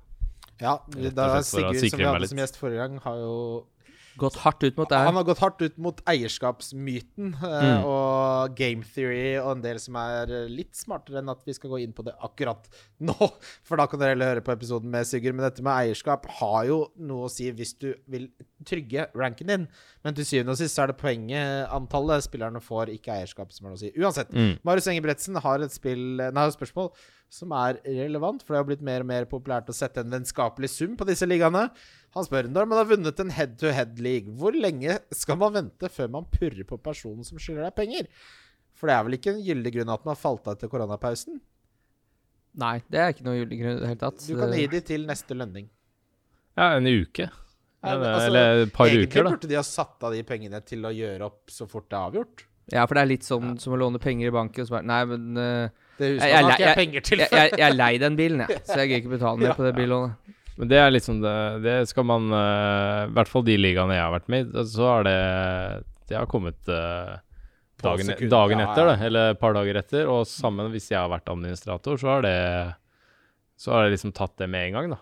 Ja, det, men, man, det, men, man skal, det skal gå en uke, kanskje, og så sender man en hei. eh, er vennlig purring. Ja. vennlig purring, og hvis du ikke da, da skal det komme, eller så skal det være en god forklaring. Men det er litt sånn Vi er voksne mennesker. ja, ikke sant? Nettopp. Sett til side det penget, da. For Ja. du vet jo at det kommer. Kan Ja, ikke drive og snike deg unna dette. Altså, Da kan man jo ikke vedde med disse menneskene lenger, hvis de skal holde på Men det er jo litt interessant at han spør om det nå. Det betyr at det har gått en Ja, han stund. atta til og med Jeg skal ikke, jeg skal ikke shame han som skylder pengene her, eh, Morten. men han men, heter Morten. Morten, du, her må du bare gjøre opp, eh, og det må skje omgå I går. omgående. Ja. Da, gutter, skal vi til, eh, videre til runden som kommer. Runden som kommer. Ja, det er runden som kommer. Runden som kommer.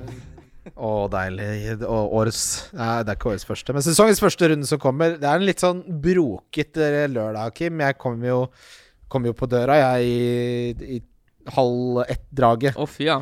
Det er det bare å være klar for. Eh, vi starter med Fulham Arsenal, og her møter jeg på det problemet at jeg hater å ha kapteinen min spillende i den aller første kampen. Det er jo bare overtro, selvfølgelig, men uh, sånn er det nå en gang.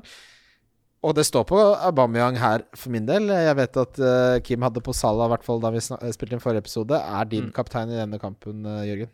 Åh, der er jeg faktisk For det som jeg snakka om da jeg var her sist, med den strategien i, i forhold til at jeg nesten alltid gå for uh, den kapteinen som har høyest odds, og i tillegg uh, leder Høyest poll. odds?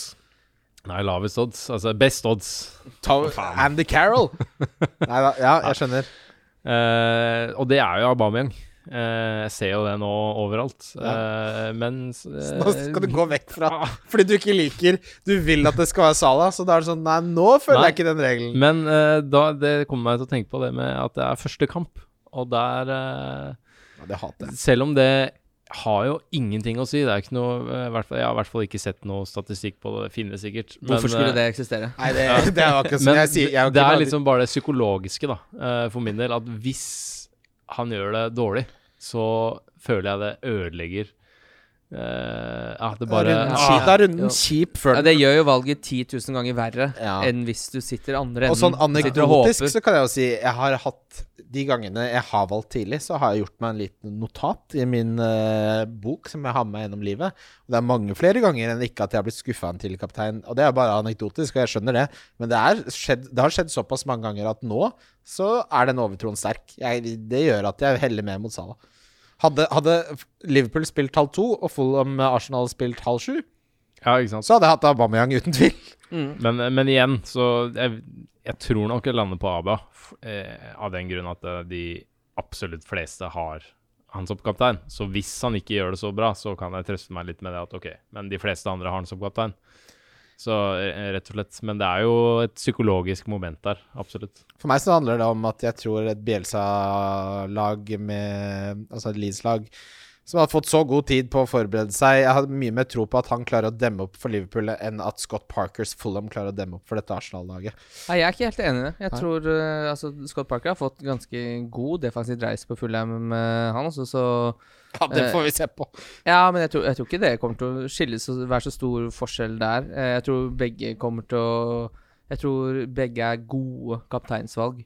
Selv eh, når vi er ute på tirsdagen og runden er over, så tror jeg vi kommer til å sitte igjen med, eh, med double digits på begge. Ja, jeg Mm. tror det er, dette er 50-50, egentlig.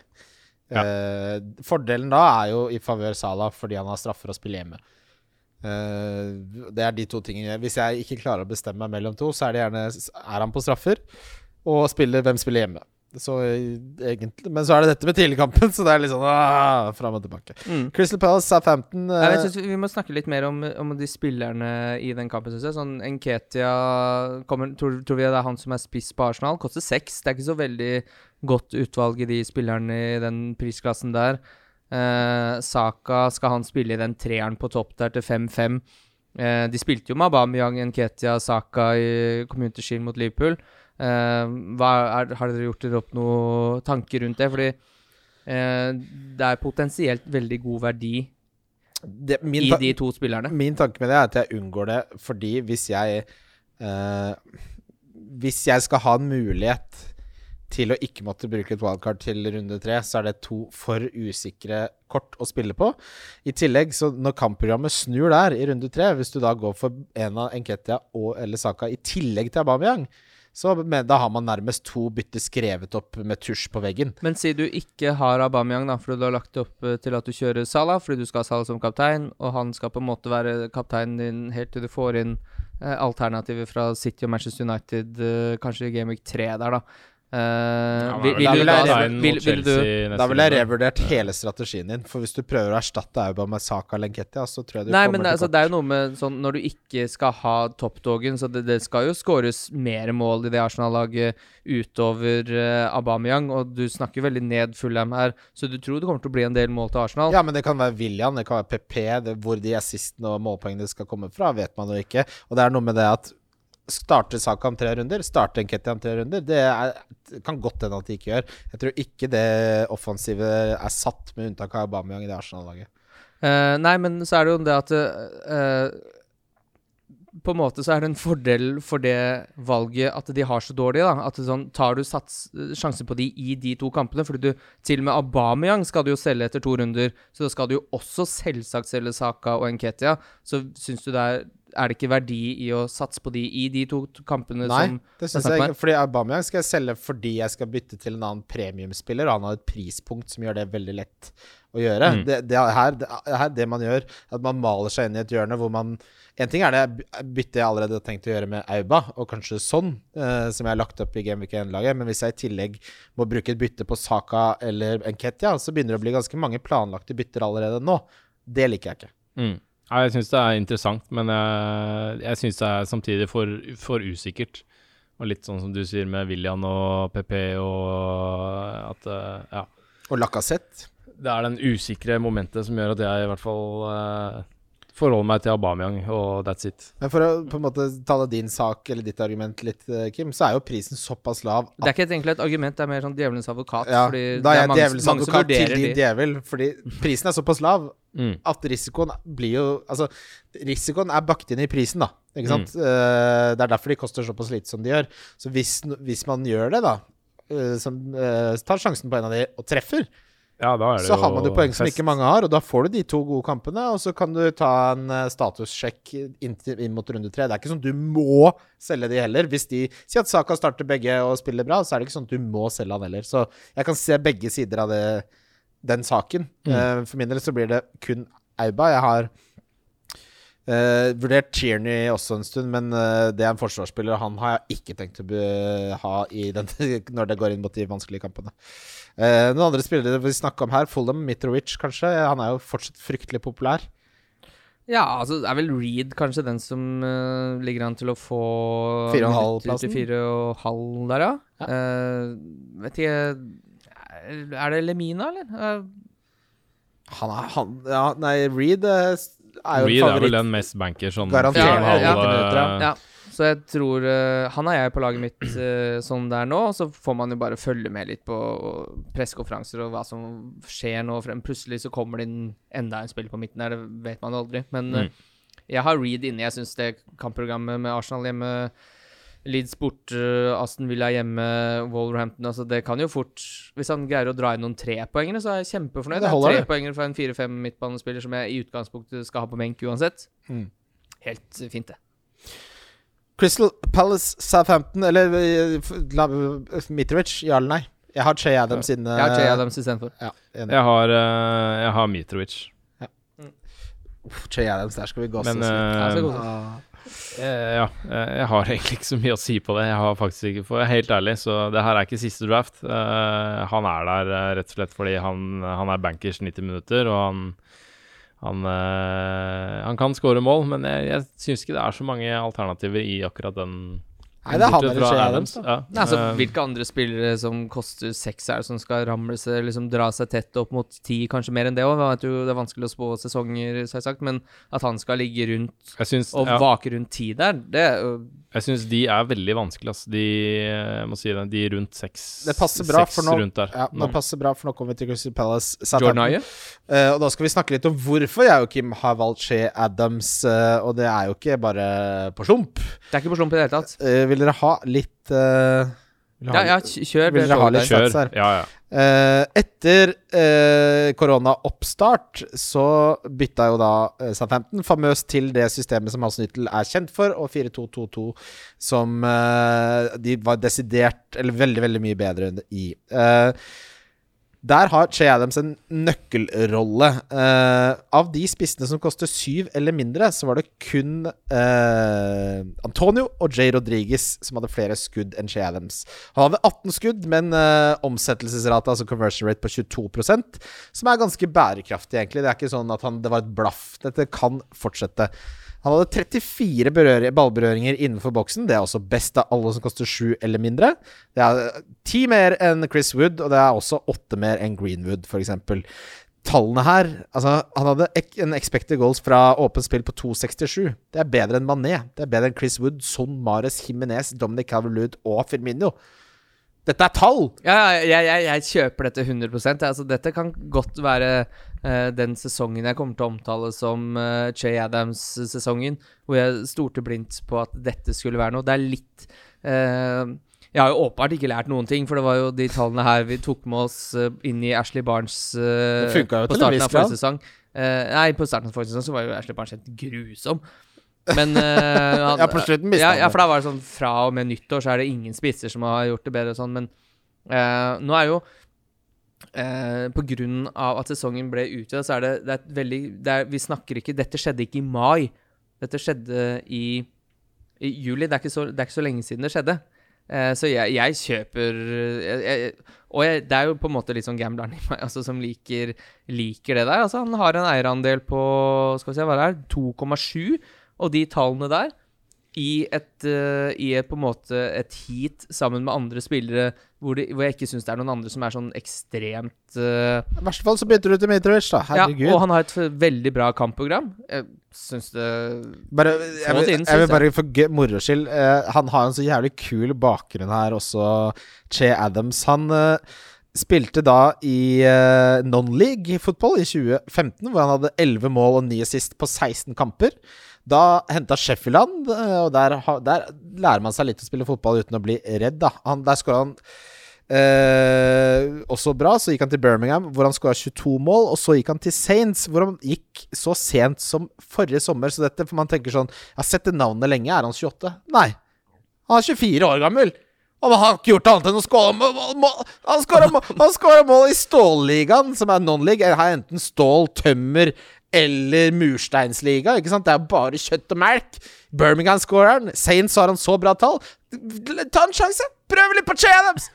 Jørgen. Men, eh, men hva er eh, Jeg må innrømme, jeg har ikke satt meg ekstremt inn i greia. Jeg har fått med at han har veldig gode tall eh, etter eh, korona. Altså Ja, for Grona er ikke ferdig. etter Det, eh, tar vi med, ja, men det tar vi med oss inn i 2021. Men det er helt sikker på. eh, sånn, bare sånn kjapt så ser man at han, han, har, ikke spilt så mye i fjorårets sesong, men er det da etter overgangen til 4-2-2-2. Det er helt riktig, Jørgen. Det er helt riktig observert. For der, det var da endringene skjedde både for Shea Adams, men også for Southampton. Eh, og han brukte litt tid på å finne hvilke spillere som passet best til de rollene, som er ganske unike i dagens fotball. Det er ikke så mange som spiller 4-2-2-2 med, med to på en måte tiere som angrepsspillere bak to spisser. Så Ja, men det, det er interessant. Det er eh, det, det gjør at jeg nå i hvert fall vurderer litt den uh. Mitrovic Adams. Det er oppside. Mm. Oppside er det viktigste å gå for når du skal velge sånne spisser til seks millioner. Det er ikke sikkert at det treffer, men da kan du bytte til Mitrovic. Nei, men altså, jeg tror jo sånn Det vil overraske meg veldig om jeg går for Che Adams, og etter fem runder så sitter liksom Mitrovic med seks goller. Jeg bare, Hva er det jeg tenkte på med Che Adams? Uh, Da må vi finne vekk det hele segmentet her og bare ja, Få sletta det. Ja, få sletta det. Få det vekk. Klipp det ut av episoden. Eh, eh, så vi har snakket litt om eh, Walker Peters. Jeg har jo både Walker Walker Peters og McCarthy. Det er blant annet fordi av de lagene som har en keeper til 4,5 eller forsvarsspiller til 4,5, så var Southampton et av de lagene som var best defensivt etter oppstarten av uh, Etter koronapausen. Da dobler jeg. Uh, Jeg har troa på verdien. Har jeg tro på én, så kan jeg også ha tro på to. Uh, Istedenfor å kjøre en sånn rotasjon og ha forskjellige keeper og forsvarsspiller, så liker jeg Jeg liker Southampton såpass godt at jeg kommer til å ha tre til Game Week 1. Det er da keeper Walker Peters og Che Adams. Mm. Eh, jeg syns også Stuart Armstrong uh, Der kom han jo! Du ja. skulle gjøre narr av meg i sted. Hæ? Bare, nei, jeg bare Hva hvis du kommer en til 5-5, og så sier du skal man aktivere wildcard for Stuart Armstrong? Men du elsker jo Stuart Armstrong! Men du skal ikke aktivere wildcard, for du skal, ha han fra start! Nei, uh, du skal eh, Jeg syns han eh, nå, har ikke, nå er ikke laget mitt satt opp på en måte som gjør at jeg skal ha en midtbaneplass til 5-5. Men for de som gjør det Jeg syns Ja. eh, med det kampprogrammet eh, Det Ja, han har vist uh, post korona-pausen eh, og, og i treningskampene, jeg, jeg syns det virker som en veldig fin verdi eh, på han. jeg. Hvis du måtte velge mellom Allan Sant Maximin og Stuart Armstrong, hvem hadde, Stuart Armstrong. hvem hadde du valgt, Jørgen? Uh, Sant Maxime. Samme. Uh, Er Han det har, sånn ikke, man han, han, har ikke noe, han har ikke noe end product. Å nei. Han hadde Men jeg syns det, den Han derre- fikk jo det etter koronarestarten, da. Men den der, den der fem, fem og en halv-greia på midtbanen er så tynn i år, ass. Den, Nei, du har jo ja, den jeg mest gleder underholdende meg til spilleren. Det har gått en eh, fire, fem, seks runder, og det bare, bare får spikra en av de Man begynner å se hvem som faktisk ja, er Ja, i form. Og, For det er litt med nå, det Jeg vi, føler meg ikke trygg på han Sant Maximin nå. Nei, han koster fem og halv. er ikke- det ja, Han er jo ute til Game Week 1 også. Ja. mm. Men uh, Sant Maxima kommer til å han, Den plassen er hans, så han kommer til å starte. Det trenger du ikke å tvile noe på. Men det som skjer hver eneste sesong også, er at det er, det er alltid verdi der som ingen har greid å lokalisere. Det er Eh, derfor som- man spiller som- wildcard i som, runde tre. som røykes ut etter eh, to-tre gameweeks. Og bare sånn ah, Koster han så lite? Eh, så det er jo Det er jo bare et utgangspunkt eh, som man gjør når man går for armshow. Sånn, ok, han syns jeg ser best ut fra start. Eh, så vil det alltid Kan det godt hende at det er han spilleren du har henta som er den verdien, men det er alltid lett å hoppe over på Ja, formspillere. Plutselig er det noen på, på Fullham som folk ikke har snakka eh, nok om. Er driver- Ikke driv, ikke driv der borte, men Ja, jo, jo, jo. Ja, nei, Eh, men du har, Nei, har nei, så det, det dukker opp, liksom. Så den 5-5 eh, eh, Du gifter deg ikke med Armstrong til 5-5, fordi Nei. det kommer til å dukke opp noe annet som du kan hoppe over på, med min, hvis det viser seg at det er helt totalt feil. Når det gjelder Crystal Palace, så må vi holde en likvake her, for det er jo trist å si, men Tariq Mitchell-toget var ferdig før det fikk tøffa seg av gårde, i stor grad. Patrick van Alholt eh, er fri ikke fryktelig langt unna, og vi tror, vel, tror vi han kommer til å starte én, kanskje? Ja, kanskje to også. Uh, han, er er- bare, han er bare tilbake og, og, og laffer litt rundt uh, van Holt. Uh, Ja, ja. det, det er mange som har gjort det, og er langt unna å okay, være men, matchfit. for å ta den, da. Av, hvis du måtte valge en forsvarsspiller til fire millioner nå Han, han, Han er fortsatt den beste. Er bare, det er det absolutt- mange som per spør om. dags dato uh, så er han den beste. Da er det Mm. Mitchell for Crystal Palace, for de som ville være helt sikre på hvem det var. Det ryktes nå, eh, gutter, at eh, Crystal Palace er 90% ferdig med en låneavtale for Michi Bashuai. Bachuay? Ja. Batman. Tilbake der. Ja. eh, Skåre mål. Ja, fordi de mangler jo en som kan skåre mål. Han Eh, skårte faktisk helt, helt sånn eh, Ikke det var ikke, det var ikke Dortmund-tall på Bachuay der, men eh, jeg tror han endte opp på sånn Fem mål. Fem mål på ti Hva er det? Fem mål på elleve kamper eller sånt nå? Ja, ikke så mange kamper den gang. Det var fem mål på åtte kamper, ish. Ja. Hæ? Fem mål. Nei. Jo, jo. I 18-19-sesongen så spilte han 748 minutter og hadde fem mål. Hadde han det i Crystal Palace? Det håper jeg da inderlig var i Crystal Palace. Ja, Ja, da, da var ja. det siste han var der. Mm, ikke forrige sesong, men sesong før der? Nei, da var, han har eh, I 16-17-sesongen så var, hadde han også fem mål. Da var det mye færre Vi må jo sjekke dette her, da! Nå merker jeg Men Dere Ja, men han, han hadde faktisk Altså, han, han gjorde det ganske godt i Crystal Palace uh, med tanke på at han spilte spiss i Crystal Palace da han var der på lån sist. Men uh, hva er kost, hva er det han er prisa til i Chelsea nå? Er han prisa? Uh, Ja, for det er det han er. Han koster seks millioner. Ja. Han var i Crystal Palace eh, Han var faktisk der i 2019. ja, i slutten av 2019, ja. Mm. Så da eh, stemmer det med den jeg sa. Ja, så fem fem mål på 748 minutter. Ja, og det er ganske, det, det er ganske gode tall i Crystal Palace. Altså, hvis han går til Crystal Palace, så er han eh, noe man absolutt må ta med i vurderingen. Han slår ikke ut Che Adams med meg sånn ved første øyekast, men eh, kampprogrammet deres er liksom blanda i starten, men fra og med runde fem så er kampprogrammet eh, Åh. Da er det jo også god tid på å se eh, Hvordan det går? Om det, ja. Ja, nei, det er spennende å følge med på. Det er en lånesignering som vil gjerne En observasjon jeg gjorde meg tidligere i dag, er at hvis man trykker Team Selected by og forwards og makskost på 6 millioner, hva tror du liksom er den høyeste eierandelen av spillerne man får opp da? Er det alle posisjoner? Nei, forwards, åpenbart. Å, nei, ok, ja. Å sortere på eierandel? Mitrovic. Mitrovic øverst med 27 ja. eierandel. Så er det Davies som koster 4-5 på Aston Villa. Det er jo bare en enabler som Mm. uh, folk har som e- egentlig bare er Ja. Uh, han har 15,2, men den som da er nummer tre Det er ikke Rodrigo på Leeds som koster 6, for eksempel. Det er Jordan Ayu. Ja, ja, ja. Eh, og da er det sånn Det, det sier litt om hvor, hvor interessant det markedet der er, da. For en Ketia da er jo på 1,9% Shay Adams er på 2,7 eh, Det er ikke så mye å velge i der, Nei, nei. men, eh, men, det er, men det er veldig du differ, du differ veldig fort da på de spissene til seks der. For automatikken til alle er bare sånn Ja, Mitrovic. Ja. Mm. Eh, Altså, og se på da fjorårets sesong, da, fordi Jordan Ayew hadde jo faktisk en overraskende god sesong i fjor med ni goaler. Han er jo favorittspilleren til Rogerson. Men med, med Bachuayi inn der, da, er det jeg mener, ja, til seks, ja. så sitter folk da Da er det 7,4% som sitter med eh, Jordan Ayew. Men han spiller jo, han uansett. Da- da, da- spiller han ikke spiss Ja, lenger. da, da syns jeg på en måte Da syns jeg nesten at Jay Adams-valget mitt virker enda bedre. Ja, ja, ja, helt enig. Uh, noen andre spillere dere føler ble forbigått i Crystal Palace Southampton? Mm, nei.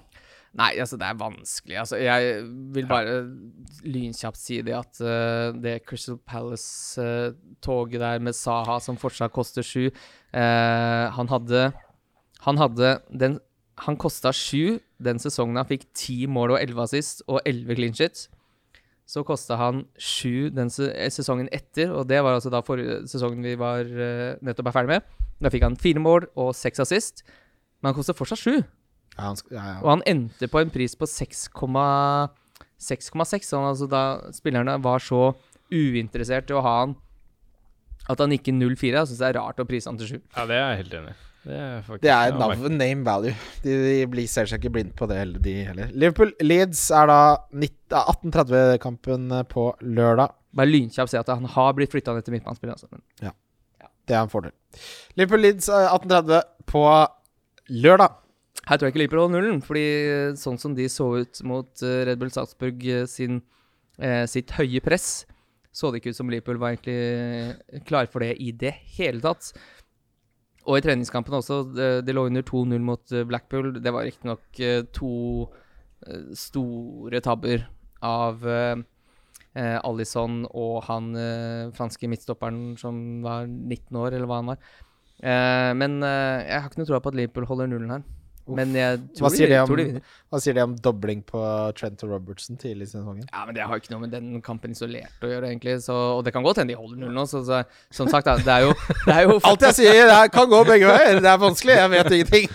Jo, nei, men altså eh, det, det er jo ikke noe Man kan ikke sitte her og være bastant. Nei. Og det var treningskamp. Og vi som vi har sagt, treningskamp og og Liverpool har vel aldri sett sånn fryktelig De har alltid tapt Charter Shield, for eksempel. Eller de tapte mot City. Det, jeg, tror ikke, jeg tror ikke Klopp ser på det som noe sånn. Jeg tror han ser på det som Klopp er for- kjempefornøyd med preseason til Liverpool, Ja. så det kan godt hende han Han er- bygger fitness der. Han driter i alt annet. Ja, uh, så det, det kan godt hende, men jeg har ikke så veldig troa på Men det er jo på en måte sånn Liverpool-supporteren i meg, kanskje ikke så mye fancy-spilleren. Mm. Mané har jeg ikke sett en eneste av mine omgangskrets ha. Eh, har dere noen tanker om eh, Vi har jo snakket litt om det før. Jeg kan ikke, Når de koster det samme, så klarer ikke jeg å finne noen god grunn til at man skal Nei. ha Mané over Salah uten å være kontrær. Nei, jeg syns det var overraskende at han hadde en eierandel på 12-8. Nei, jeg ser det er uh, litt sånn ymse på Twitter og sånn, men, uh, men uh, jeg, jeg forstår det ikke, eh, rett og slett. Ja. Sala er bedre. eh, uten at jeg skal virke for eh, for uh, cocky, holdt jeg på å si. Men, eh, men, eh, men ja. Det, jeg cocky? Det syns greit. Altså, hvis du på en måte har den greia at du du skal absolutt gå mot uh, det alle andre gjør, og måtte prøve å ta en sjanse, så kjør på. Men Ikke gjør det. Ikke kjør på. Velg Sala. Det er En av de enkle tingene i år er å velge Sala. det er jo også sikkert litt veldig gøy hvis du gjør det, og du motbeviser alle andre. Så selvfølgelig eh, gratulerer. Men eh, det vi, det vi ofte snakker om her, da, er at hvis prosessen er riktig, men resultatet er feil, så har du ikke gjort noe feil. Nei. Her blir prosessen feil og resultatet riktig hvis Mané får mer enn Sala. Og det er ikke sånn man lykkes over tid. Du kan ikke gardere deg mot uflaks. eh, men, hadde han eh, kosta ti, kanskje Elleve til og med. Ja, så hadde, da kunne vi kanskje diskutert det. ja, Men det, uh, når det er samme pris, så er det Det er, det er, ikke, det er udiskutabelt. ja, det var akkurat det samme Sigurd sa. Så, så lenge de koster det samme, så er det egentlig ikke noe eh, særlig å diskutere. Så kan man jo selvsagt gutse på å ta Mané. Mm. Men uh, jeg så Magnus Carlsen fikk spørsmålet her nå på hvem han hadde som kapteinsalternativet før uh, Game Week 1. Eh, og Magnus Carlsen har gjort det veldig godt eh, i i flere år nå, og veldig, veldig godt i fjor, åpenbart.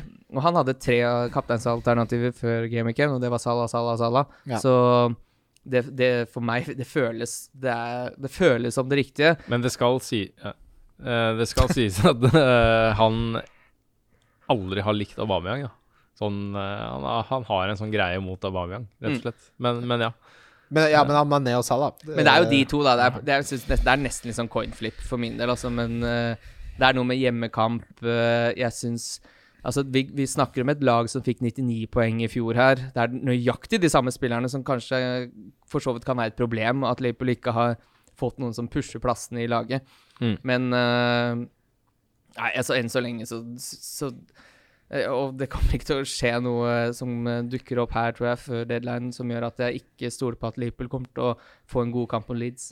Nei, det, det er egentlig ikke et tema, syns jeg. Mer tema vil være mer eh, defensivt, om man skal kjøre dobbel Liverpool og den diskusjonen der, da. Er det noen spillere fra Liverpool som har gått under radaren, Kim? Nei, Det er vanskelig å si. Altså, det er sånn Nei, Eh, hvis det er vanskelig å si, så ville jeg sagt nei. Ja, men sånn som Liverpool plutselig har lagt opp nå, da, med, en, med en treer og en Sala på topp der, som de starta nå med i forrige treningskamp, og som de spilte de siste 30 minuttene med Arsenal, hvor Minamino kommer inn der, Sala som spiss, eh, eh, Firmino en nier, Mané over på høyre. Hvis man, hvis man ender opp i noe sånt nå, så er det klart Minamino kan eh, vise seg å være verdi, men det er, det, er, det er usikkert, ikke sant. Det er litt det samme med Keita også, og det har vært problemet med Liverpool, at det har ikke vært noe på, på tross av at de skårer så mye mål, så er det så utrolig stor andel av de som eh, er den topp treeren som skårer de målene, og assistene kommer veldig åpenbart, da, som vi, vi har jo gått gjennom tallene nå, kommer fra bekkene. Ja. Så, men eh, på et eller annet tidspunkt så vil det jo være Det må jo snart komme noe verdi eh, andre steder i det laget her. Men det er kanskje, Kanskje vanskelig. Det er, Firmino? det er kanskje Ja, nei, åh. Og du må ikke, ikke gjøre det. Ikke gjør det. Christian blir så sur. Eh, Nei, men uh, det er litt sånn hvem som er verdi der, uh, kommer vi ikke til å vite før vi ser det. Så det å gjette hvem det skal være nå, uh, utenom uh, Robbo, Trent, uh, Salah Mané, det blir eh, gjetting. På Leeds derimot, eh, så er det litt mer identifisert eh, identifiserbart eh, hvem man skal ha.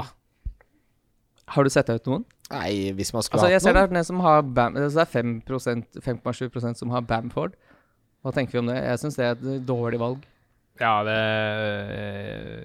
Altså, er det Nei. noen som er unproven in the prem, så må det jo være Bamford som har et eget kompleks oppkalt etter seg.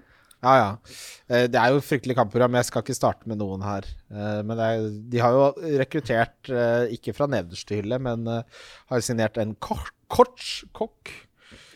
Eh, Det er CH, jeg vet ikke hvordan han uttaler det. Robin Koch, som er eh, landslagsspiller. eh, Midt, spiller midtforsvar, eller midtstopper, til 4,5. Eh, Vent og se litt på det Leeds-laget her. Mm. Ja, det er vel eventuelt han Douglas Nei, Dallas på bak der, da. Men, men det er litt sånn, ja. Det er vent og se. Ja, så er jo A-Ling, da. Ja. Også til 4-5, som Mm. er en, en back som har vist seg å produsere målpoeng. Men med det kampprogrammet så, så tenker jeg at sånn eh, Nå har han eierandel på fire. Det er ikke så mye som skal til før eh, folk går lei. Eh, og når kampprogrammet da snur i eh, etter Wolverhampton hjemme, syns jeg heller ikke er så fin kamp, så er det da Aston Villa borte, Leicester hjemme, ikke så greit, men Crystal Palace borte, Arsenal hjemme, Everton borte ja, det Vet du hva? Når skal jeg komme inn på det toget? Jeg veit ikke, men uh, i hvert fall da, når det kampprogrammet jeg leser opp nå kommer, så vet vi så utrolig mye mer. Og Mm. det er det vi lærer egentlig hver eneste sesong, at vær litt forsiktig med å plukke spillere fra de nyopprykka lagene, fordi det er litt vanskelig å forutse. Men uh, det kan godt hende det ender opp med verdi, og det er jo, det er jo de spillerne vi har snakket om i de, sesong, eller de episodene frem til uh, her vi er nå, som sikkert kommer til å være alternativer. Før vi skal videre til kveldskampen, så skal vi ta en liten pause. Wildcard FC. Wildcard FC. Kveldskampen på lørdag er uh, Westham i oppløsning mot eh, Newcastle, som jeg tror ikke de nye, nykjøpte spillerne nødvendigvis starter, men det er selvfølgelig positivt med nye signeringer både for supporterne og for de spillerne som allerede er der. Um, Westham har jeg hatt Solskjær har jeg hatt uh, inne tidligere, det er no go nå. Antonio har jeg hatt inne tidligere, det er også no go for meg. Det er egentlig no go hele Westham-laget fram til ganske langt ut i sesongen der. Huff a meg. Det... Men de skal kvitte seg med noe bak her? Liksom Lacelle, Fernandes, Watts, Jedlin, Mankilo, Clark, Lejeune, Dummet ja, det er to som er transferlista. Skjær. og Lejeune er transferlista. Ja. Fordi det er fryktelig mye forsvarsspillere på det Newcastle-laget her nå. Ja, Det stemmer. Eh, nei, Alan Sant Maxima starter jeg med til 5-5. Det er jo et lite pønt, men uh, Det er jo det som er av punts eh, rundt der, egentlig. Ja, altså, ja, Uh, men i den kampen her så er det jo sånn Den, den åpenbare som man må snakke om, er jo uh, post-koronapauses store sønn, Antonio. ja. mm. Det er jo kampprogrammet som gjør at jeg vegrer meg Altså, han var jo på alles lepper uh, før kampprogrammet kom. Mm. uh, og det ser ikke bra ut Nei. i det hele tatt. Så uh, det blir på en måte Det blir den ene kampen Så klart han kan score bort mot Arsenal, han kan score hjem mot Wolverhampton. Men å sitte og, og håpe på det syns jeg er litt for mye for langt, altså. Nei, da, ta heller skjea dem, så bruk de fem eh, millionene på å få en uh, spillende benk nummer to. Nå må du gjøre det bra, Jay. Ja, ja, men sånn eh, Nei, der kan man Hvis du ser at han trosser både kampprogram og indre uro og alt mulig, så kan du heller ta en revurdering da, men å starte med han frister meg ikke i det hele tatt. Nei. Uh, noen andre spillere dere har lyst til å snakke om fra disse lagene? Absolutt ikke. Jeg har ikke noe ja, Men jeg har ikke så veldig troa Jeg har ikke sånn Ja, det skjer mm, Fra et supporterståsted så skjer det ganske mye positive ting rundt Newcastle nå. Men som en fyr som ikke har noen følelser inni potten her, så er jeg ikke så eh, imponert over Newcastle. Det er ikke, det er ikke et eh, Jeg trenger ikke være lokfører på det toget der, jeg. Eh, Ja. det, det, jeg venter og ser. Det er jo ja, det er jo Wilson og Frazier, selvfølgelig, men det er vent og se. Ja, og da er det defensivt, da. Så man på en måte Der er det noe. Der er det, selv når Newcastle da forrige sesong hvor de De gjorde det over all forventning, eh, og der eh, de ser trygge og ålreite ut eh, defensivt, så derfor så vurderer jeg Lacelle til 4-5. Men utover det så vil jeg ikke bruke noe særlig av mitt budsjett på spillere fra Newcastle. West Bromwich Leicester er første kampen på søndag. Ehm, jeg har Tidlig draft så hadde jeg inne Vardy. Det faller meg ikke inn eh, nå. Er, der er det Werner og Shay og Brewster som har uh, lagt uh, Jeg tror ikke jeg kommer til å gå vekk fra det, egentlig. Den er ganske satt. Uh, West Bromwich derimot, så er det flere som lefler med Pereira. Ja, og det er en grunn til det. Altså Westham skårte nest flest mål i championship, så eh, Og han eh, sto frem som den eh, offensive talismanen der, så det er jo på en måte Det er jo den offensive spilleren absolutt å plukke fra det laget her. Eh, og det kan vise seg at eh, han er prisa for lavt. Men uh, ja, da tar du en sjanse, da. Uh, spørsmålet er hvor mye er du villig til å legge i en eh, i, eh, i å ta den sjansen, da. Fordi på midtbanen så er det Det er jo på en måte der verdien åpenbart ligger eh, i år, syns jeg. Ja. Så eh, da, da blokker du andre muligheter, da, men det, det, det er jo absolutt ikke Altså, jeg kommer ikke til å fnise av de lagene jeg ser som har han fra start. Ja, det jeg ser på nå, er at isteden Jeg har jo hatt Pulisic eh, inne i en 3-5-2, Mm. eh, og Pulisic eh, ser ikke ut til å bli klar til Ja, han blir, han blir ikke klar, tror jeg. Nei. Og da har jeg sett på å ta han ned til Pereira, og så gjør jeg J- med Johnston, min ikke-spillende fire millioners forsvarsspiller, om til uh, Robbo. Mm. Jeg driver og lefler Ja. litt i den kampen her med, med Harvey Barnes. Jeg. Ai, ai, ai. Ja, han hadde god, mye bedre tall enn man skulle tro eh, når man samler opp alt sammen for Leicester. Eh, det er jo fint kampprogram der også, eh, med tanke på at de starter med West Bromwich og Burnley hjemme. Så er det City, men etter det så er det Westham hjemme og Villa hjemme. Så det er helt eh, terningkast fire pluss, det startprogrammet. Ja, Enig. Eh, Men ja, Pereira kan absolutt vise seg å være en uh, luring, han. Så uh, det er uh, godt mulig jeg ender opp med han i første Her er det bare et spørsmål om ikke sant? Han presterte som faen i championship. Har du troen på at han skal klare det i Premier League? Eh, som oftest så klarer de ikke det. De klarer ikke å overføre sånne resultater. Men det, det hender jo. Det skjer ikke aldri. Så der må du ta en vurdering. Man skal jo åpenbart ikke overføre de tallene han har, for da skal han ikke koste seks. Men Nei, nei, eh, nei. Eh, at man setter cutten på at han mister uh, ja, fort opp mot 50-60 da, så er det Og så er det litt sånn med de nyopprykka lagene også, det er jo ikke noe som er vanskeligere enn å rykke opp og få en dårlig start. Da har du på en måte liksom nesten liksom slått beina litt under hele spillergruppa. Da er det vanskelig å eh, å selge inn, fordi man har liksom gått på en veldig bra run i championship, og så plutselig butter det.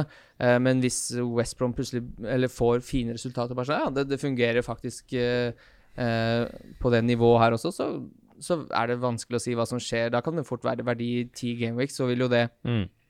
Eh, altså, Laget er ikke godt nok til å imponere sånn totalt sett, tror jeg, over en hel sesong. Jeg tror heller at de ender opp med å rykke ned, men eh, i, i korte løp så kan det jo fort hende at uh, det er verdi her. Men uh, Og, og da, er det jo, da er det han du skal ha. Ja, ja.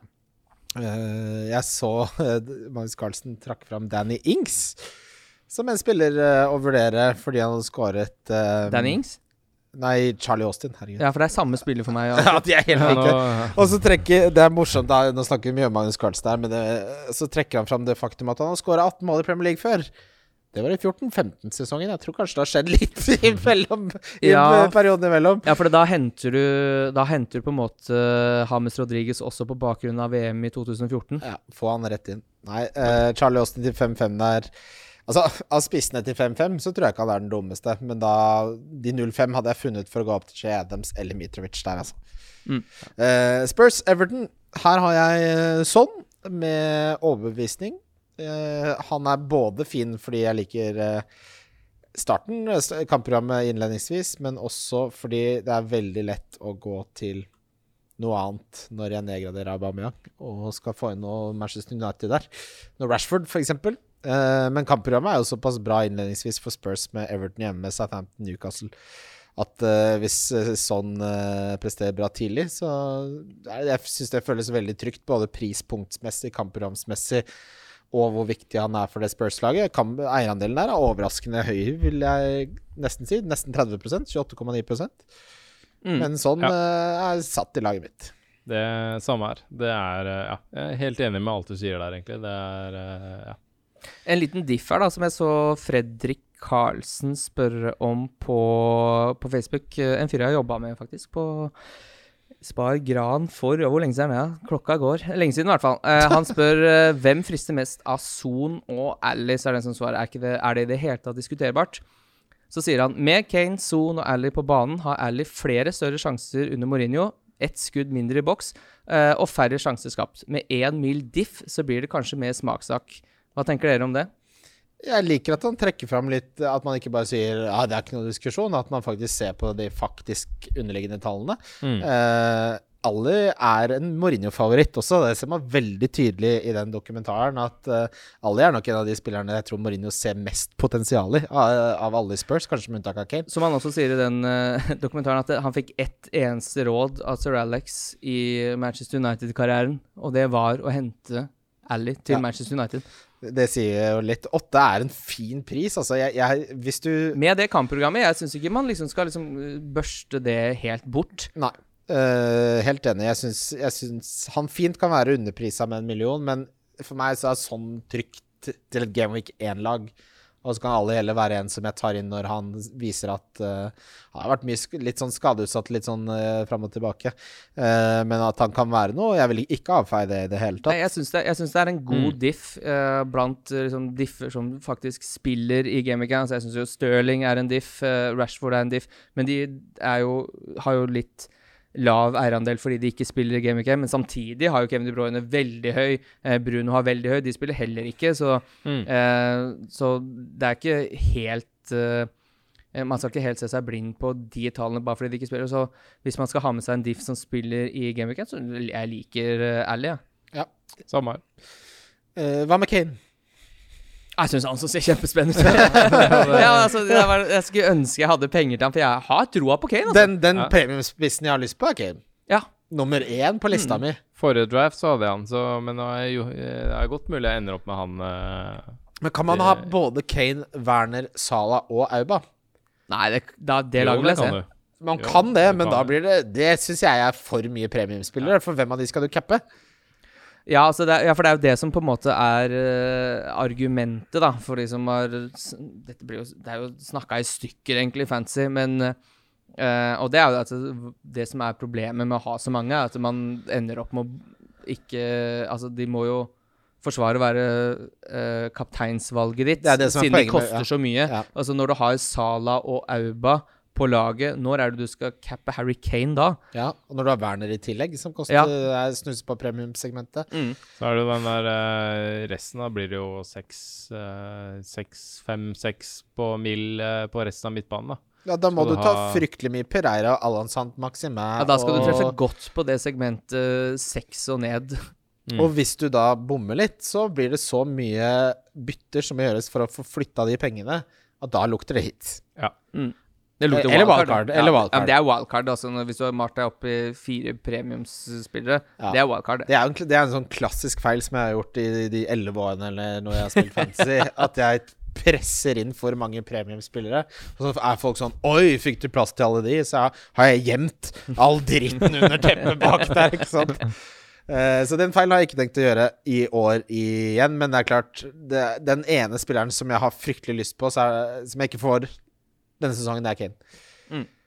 Uh, forsvaret har vi snakket så vidt om. Uh, Jeg tror Dockerty kan være noe der på sikt. Ja, jeg liker jo Mm. Altså, hvis han får lov til å fortsette Ariere-rollen, som jeg fort tror kan skje, så er det kjempeverdi i Dockerty offensivt. Og jeg tror Spurs blir bedre defensivt i år enn de var i fjor. Ja, jeg tror de blir uh, faktisk veldig solide defensivt i år. Topp fire Med Mourinho, jeg. Mm. Det tror jeg. Så, men for min del så er det litt, litt sånn avventende i forhold til hvilken spiller jeg går for defensivt. Men jeg kommer nok med veldig stor sannsynlighet til å ha en uh, Spurs-forsvarer eh, store deler av sesongen. Tror jeg, i hvert fall. Er Enig der. Everton eh, er jo et lag vi har snakket lite om denne sesongen. Eh, nå, vi snakket jo vi snakket om at de måtte fikse midtbanen sin. I stor grad så har de jo tatt fryktelige grep for å gjøre det. Da. De har henta Allan, eh, som er Altså, Han blir ikke løpt forbi som Tom Davies gjør eh, over midten der. Det kan man si med 100% sikkerhet. Nei, De har fått seg et eh, godt rivjern der, og han greier å flytte beina. Uh, Rodriges er Ja, jeg det- litt mer sånn usikker på. Altså har, altså, har han løpt siden han spilte i Porto? Nei, At han skal komme til Premier League nå Altså, han er jo en Misforstå meg rett her, altså, han er jo en kjempegod fotballspiller. Han var det i eh, hvert fall. vi har- Vi får se ja. hvor god han er nå. Og det er, og det er litt sånn det at, at han skal få eh, den renessansen i sin uh, karriere i Premier League. I hvert fall fra starten av. Jeg tror han vil ha en tilvenningsprosess her som kanskje kan ta fort f- Fort i gameweeks, liksom. Eh, så at det kan ende opp med å være verdi her, absolutt. Men eh, at jeg skal Men så er det liksom Kan man Altså, det er West Bromwich hjemme da, i kamp to, og så er det borte mot Crystal Palace, og så er det hjemme mot uh, Brighton. Han kan, kunne jo ikke fått en softere start, da, i hvert fall, i Premier League-karrieren sin. Det, Mm. det jeg tror at hans jeg, jeg tror ikke nødvendigvis han er en som kommer til å få veldig mye målpoeng, men jeg tror kanskje at Calvert Lewin over Carlisson kommer til å få flere pga. James Rodriguez. Og, Mm. ikke, og da, Det høres jo litt sånn selvmotsigende ut, men uh, hvis han presterer på sitt beste, da, så kommer han jo til å gjøre hele angrepet til Everton bedre. Men å ha han selv er altfor mye altfor tidlig. Ja. Mm. 7,5 er for dyrt også. Men det er jo ikke noe tvil om at midtbanen har blitt mye bedre. Det er, Ja, det er ja, ja. mye mer fotball i beina på de som er der nå. Eh, kan fort bli fin, han, altså. Mm. Sånn på sikt, men eh, ja. Kanskje de slipper å spille Sigurdsson ut på venstrevingen, hvor han aldri har fått til noen ting i hele sitt voksne islandske liv. Eh, Men det, det er bare å se på Det er bare å se på eierandel. Altså, Lucas Ding har en eierandel på sju. Eh, som er overraskende høyt, egentlig. Eh, men på midtbanen så er det Sigurdsson som har en høyest eierandel på 2,5. Ja. Så det er, ikke, det er ikke der folk eh, henter spilleren sin. Så det er ikke som vi overser midtbanen til Everton uh, her. Uh, Richarlison er den med høyest eierandel på 11. og det, er jo, det syns jeg er høyt. Spillerne unngår Everton, men det er et fint kampprogram. Vent og se. Mm. Sheffield United, Wolverhampton uh, er første førstemandagskampen, og dette Wolverhampton-laget er litt sånn Jeg gleder meg sånn til de blir ferdige å handle, så jeg kan velge forvalte meg en forsvarsspiller der. Eh, spørsmålet er skal man bare hente Roman Sass eller Saiz, som eh, FPL Sigurd hadde gjort, og kalle det en dag? Og så får man heller bytte når en ny kommer inn. Fordi man vil gjerne være en del av dette Wolverhampton-forsvaret uansett. Før, Mm. før Game Week 1 så syns jeg det Hvis man liksom ikke begynner å snakke om uh, Jimenez, så, så, så syns jeg det er Fordi det, er, det har skjedd så mye overganger der nå, og det kommer sikkert til å skje det også utover i uka, at jeg syns det er litt sånn usikkert. Jeg vil ikke hente spillere Og derfra. fordelen vår da Jeg, jeg veit ikke hvordan laget ser ut i Game Week 3. Og fordelen Mm. er jo at de spiller mot City neste, så du kan fint vente til 26.9. før du må ta den beslutningen. Mm. Um, jeg tror jeg, jeg bare lyder til å Jeg tror jeg ikke tør uh, vinne Jeg tror uh, jeg heller prøver å finne noe annet til 4-5. Han tør ikke jeg heller. Hvis han Ja. skal bli solgt, så kommer han ikke til å spille. Det er litt Eller hvis han blir mer kvesta og ryker akillesen, da, så er salget kjørt, da. Det er litt mer på det vi diskuterte litt i stad i forhold til den rotasjonsstrategien, da. Men eh, Men eh, ja, igjen så er det jo eh, Som du også nevnte nå, wait and see. Mm. Det hjelper jo ikke med rotasjonsstrategi hvis han er i Portugal. Nei, men sånn, eh, sånn på Wolves forsvar generelt, Ja, ja. tenker jeg, da. Ja. Uh, Absolutt.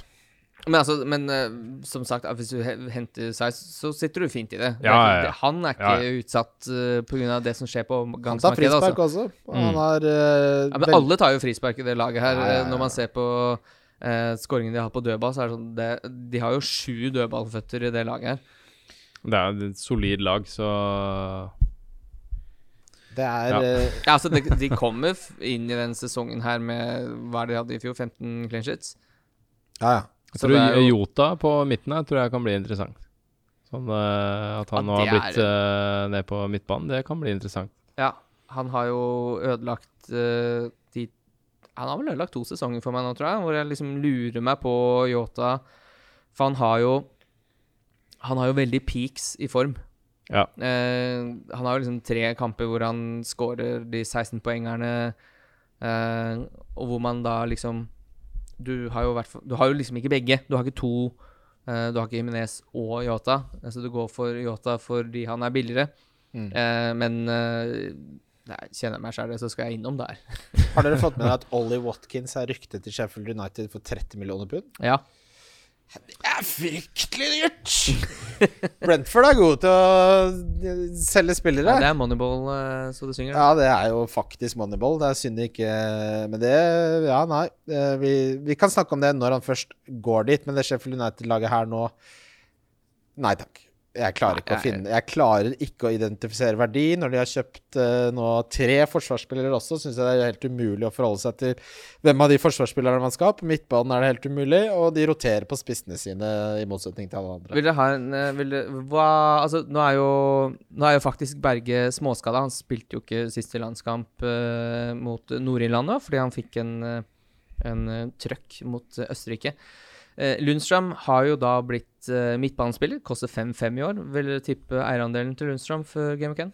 Den tipper jeg faktisk eh, Jeg tipper den er sånn 30 eller noe. Jeg tipper er ikke- er så- 30 Nei, mer det- den, den er er, den er13,7. Ja, jeg sa 14, da! 13,7. Ja, ja, Hæ? veldig ja. Det er ganske heftig til å være en midtbanespiller i den prisklassen. Mm. Så er jo det helt Folk faktisk... ser på points total fra forrige. Altså. ja, så ja, absolutt. Det er jo det, men det er her vi som bruker altfor mye tid på det, har en edge. da Hvis 14 har uh, Men du kan jo ta deg på at det er Lundstrøm som scorer den eh, kampen her, ja, ja, og da, da får seg en 15 poenger. da går han opp i pris òg. Ja, ja, ja. Brighton Chelsea er siste kampen i denne fantastiske runden vi står overfor. Og Chelsea-laget har vi fått mye spørsmål om. Det er jo blitt henta Zizek, de har henta Kai Havertz, de henta Timo Werner. Uh, vi vet ikke helt hvem som kommer til å spille back for de. Eh, det som er ganske sikkert, er at uh, Thiago Silva kommer til å bekle en av midtstopperplassene. De har nå ryktes å være svært nære å kjøpe ny keeper eh, fra en Mendy, som var veldig god for de i franske league A. Det vil jo si at, at alle solmerker, så er Kepa veldig på vei ut, det har vi jo visst lenge. Men uh, dette Chelsea-laget her er sånn sånn stolleken med masse kjekke menn, og så vet ingen helt hvor de setter seg ned. Mm. Ja, jeg er enig, men det, det er vanskelig å Jeg syns lag Altså, Chilwell er ute i to kamper, det er bekrefta. Han er ute mot uh, Han er ute i den kampen her, mot Brighton. Han er ute mot Liverpool i Game Week 2, så han er uaktuell. Eh, hvem som spiller ellers? Så Pulisic, han tror jeg også er ute. Ziyech Nei, Ziyech eh, Han er jeg litt usikker på. Havertz tror jeg ikke går rett inn her, men eh, Werner spiller jo. Eh, Mm. og det er han som er mest interessant. Og så blir det vel kanskje Silva og Rydiger på midtstopperplass, eller? Eh, vanskelig å si hva Aspil Kueta gjør. Skal han fortsette som midtstopper med Reece James, eller hvordan Det har kanskje litt med kampbildet å gjøre. Så er det jo litt hvilken formasjon de går for òg, tenker Ja. jeg. Det er jo ikke helt sikkert uh, enda heller. Så er det jo litt eh, Det er jo ekstremt mye interessant her i forhold til verdi, da.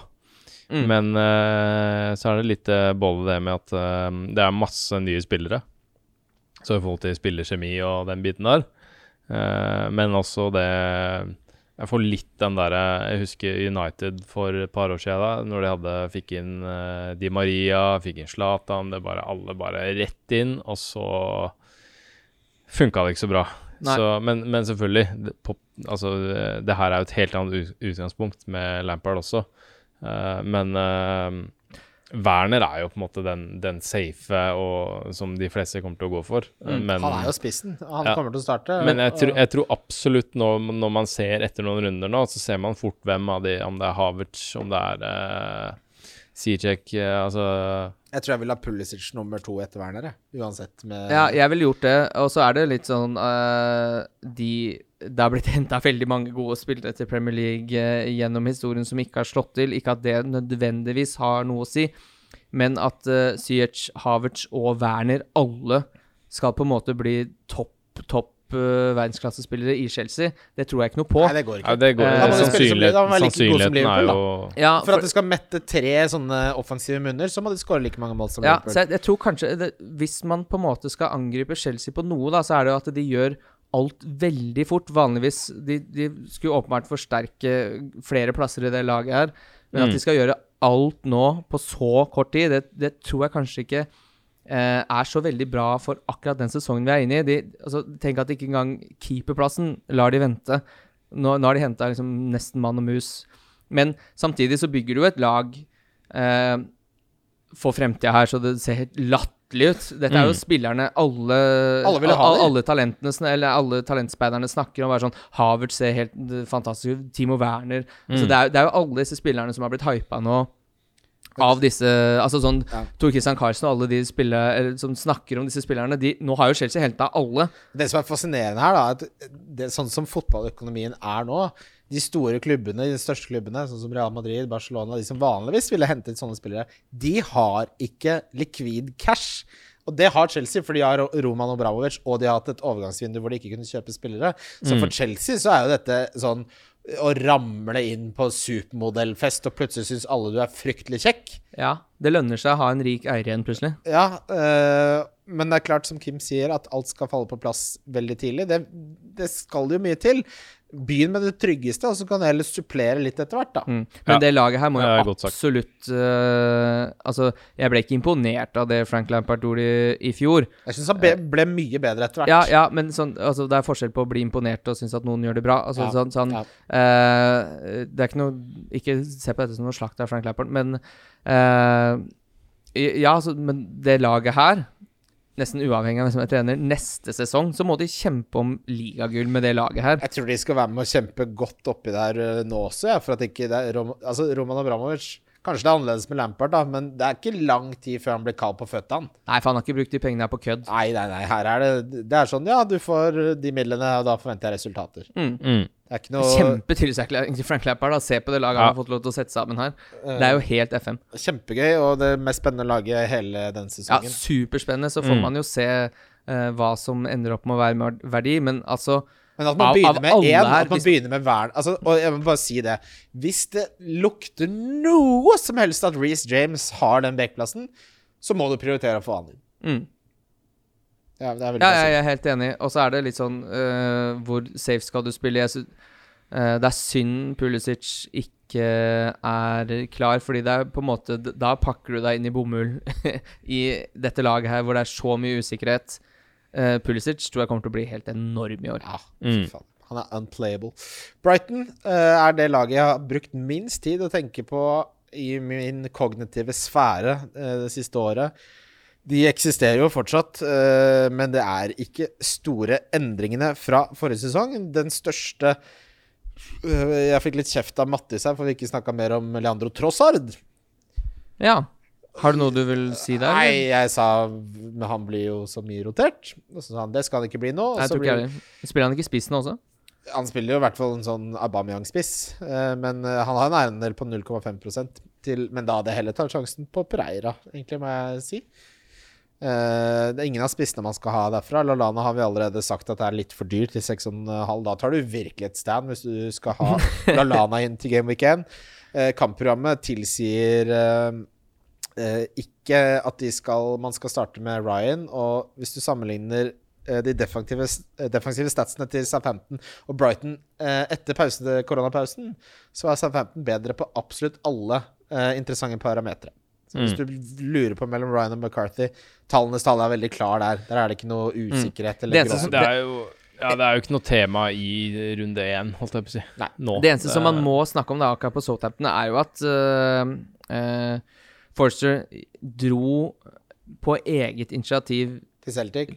Nei, hjem fra Celtic fordi han skal kjempe om plassen uh, i uh, oh ja. I Det er det ikke han som bestemmer, da. Nei, nei, absolutt ikke han som bestemmer det, men uh, han er en bedre keeper enn Gunn. Eh, så det, det, er den, eh, den, det er en liten usikkerhet der, bare som folk er klar over det. Det er ikke, noe, det er ikke skrevet i stein at McCarthy er førstekeeper uh, etter Game Week 10, og han har jo rykte på seg for å bytte litt keepere, uh, Hasenhyttel. Ja, det, det er et godt poeng. Det er ikke 100 eh, sikkert at han er nailed. Da skal vi videre til Ja, vi har et segment til. Rundens spillere. Wildcard FC. Wildcard FC. Wildcard FC. Da har vi kommet til rundens spillere, og vi starter med kaptein. Jørgen, du skal få æren av å ha eh, Rundeskaptein. Og det dere ikke må Sesongens første. Eh, ja, og det dere ikke må glemme, er at vi skal i denne episoden også utnevne årets kaptein, Diff, Billy og Donk. Håper dere har forberedt det. Ai, ai, den ai, kom ai. Hei, eh, Begynn med runden, du, Jørgen. Ja. eh, Sala. Ja. Kjører han eh, på den? Ja, kjører Kjør er- Salah på begge. Ja, det er greit. Det er godt mulig eh, jeg går på en eh, litt kalde føtter der og endrer til ABBA eh, i forhold til Pols og det som er. Men eh, ja, Sala. Skal kjøre diff og dunk. Nei, nei, nei, jeg, jeg, jeg kommer til det. Jeg Ja. kjører eh, også Sala eh, denne runden. På sesongbasis så sier jeg Sterling. Ja, det er, altså, jeg er litt, det er de det står mellom, det står mellom Sterling og Sala for min del. Mm. Eh, på sesongbasis, hvem kjører du der, Jørgen? Da, da er jeg enig med dere. Mm. Differential Kim, der kan jeg tenke meg at du har juksa litt. Jeg har ikke juksa. uh, jeg har en uh, diff som spiller i 1 som har for lav eierandel, og det er Ally. Ikke dum. Den er jo kjempefin.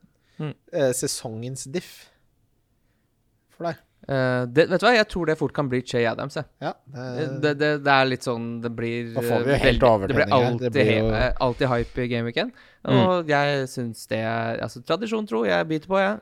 Jay. jeg har, Hvem er din differential, eh, Jørgen? Firmino. Å, fy faen. Ja, det syns jeg er kjempegøy diff! Hvem har du som sesongens diff? Firmino der òg. Ja, dobler opp! Åh, ja, det syns jeg er kjempegøy. Ja, ja. Eh, Tenk hvis du lykkes, da. jeg liker det skikkelig Ja, det- godt. Eh, Skylder meg en jeg vet ikke hvorfor jeg liker det, men Nei, eh, hva, hva hvis han ikke hva, hva skal vi sette linja på da?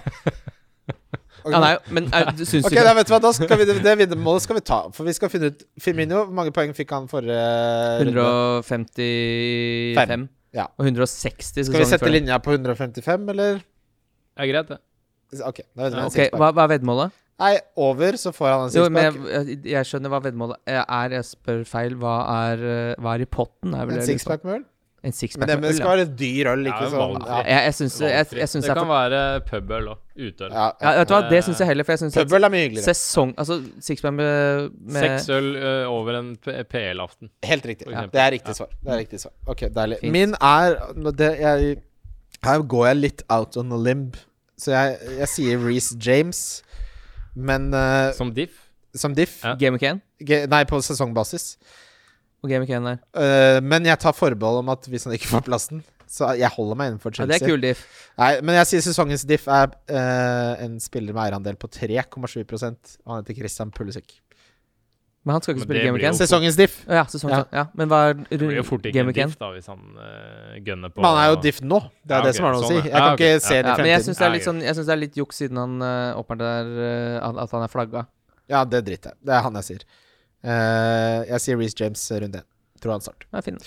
Donk er jo den mest spennende. Vanligvis Jeg tror jeg har sagt Kane nå i elleve år. Det skal jeg ikke si i år. eh, for i år har jeg veldig troen på Kane. Hvem er eh, Det er ikke lov å svare Lundstrøm, Kim, hvis det var det du hadde tenkt til. Jo da, det er lov å gjøre det, selvfølgelig. Jeg har ikke tenkt uh, til å gjøre det, men Min, min uh, sesongens uh, donk for meg er en som jeg syns er veldig rart å ta så fryktelig høy eierandel, og jeg tror han skal få regression, som det heter. At han ikke får den ekstremt høye effektiviteten og det ekstreme høye antallet straffer som han fikk etter at han kom til Manchester United. Så sesongens donk er Bruno Fernandes. Ja.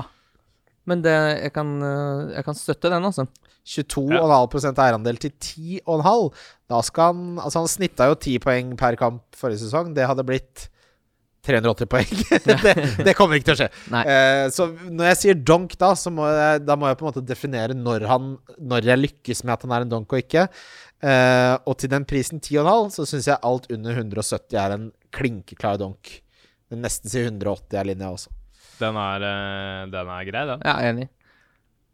Min- ja. Ru- Ja, rundens donk er Lundstrand. Ja, jeg har dobbel eh, på den også.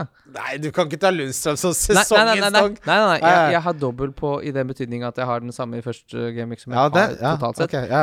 Eh, og det er Adama Traoré, som har en eierandel på 20. ja, det Jeg tror han blir sesongens eh, donk, og jeg tror han blir eh, rundens donk.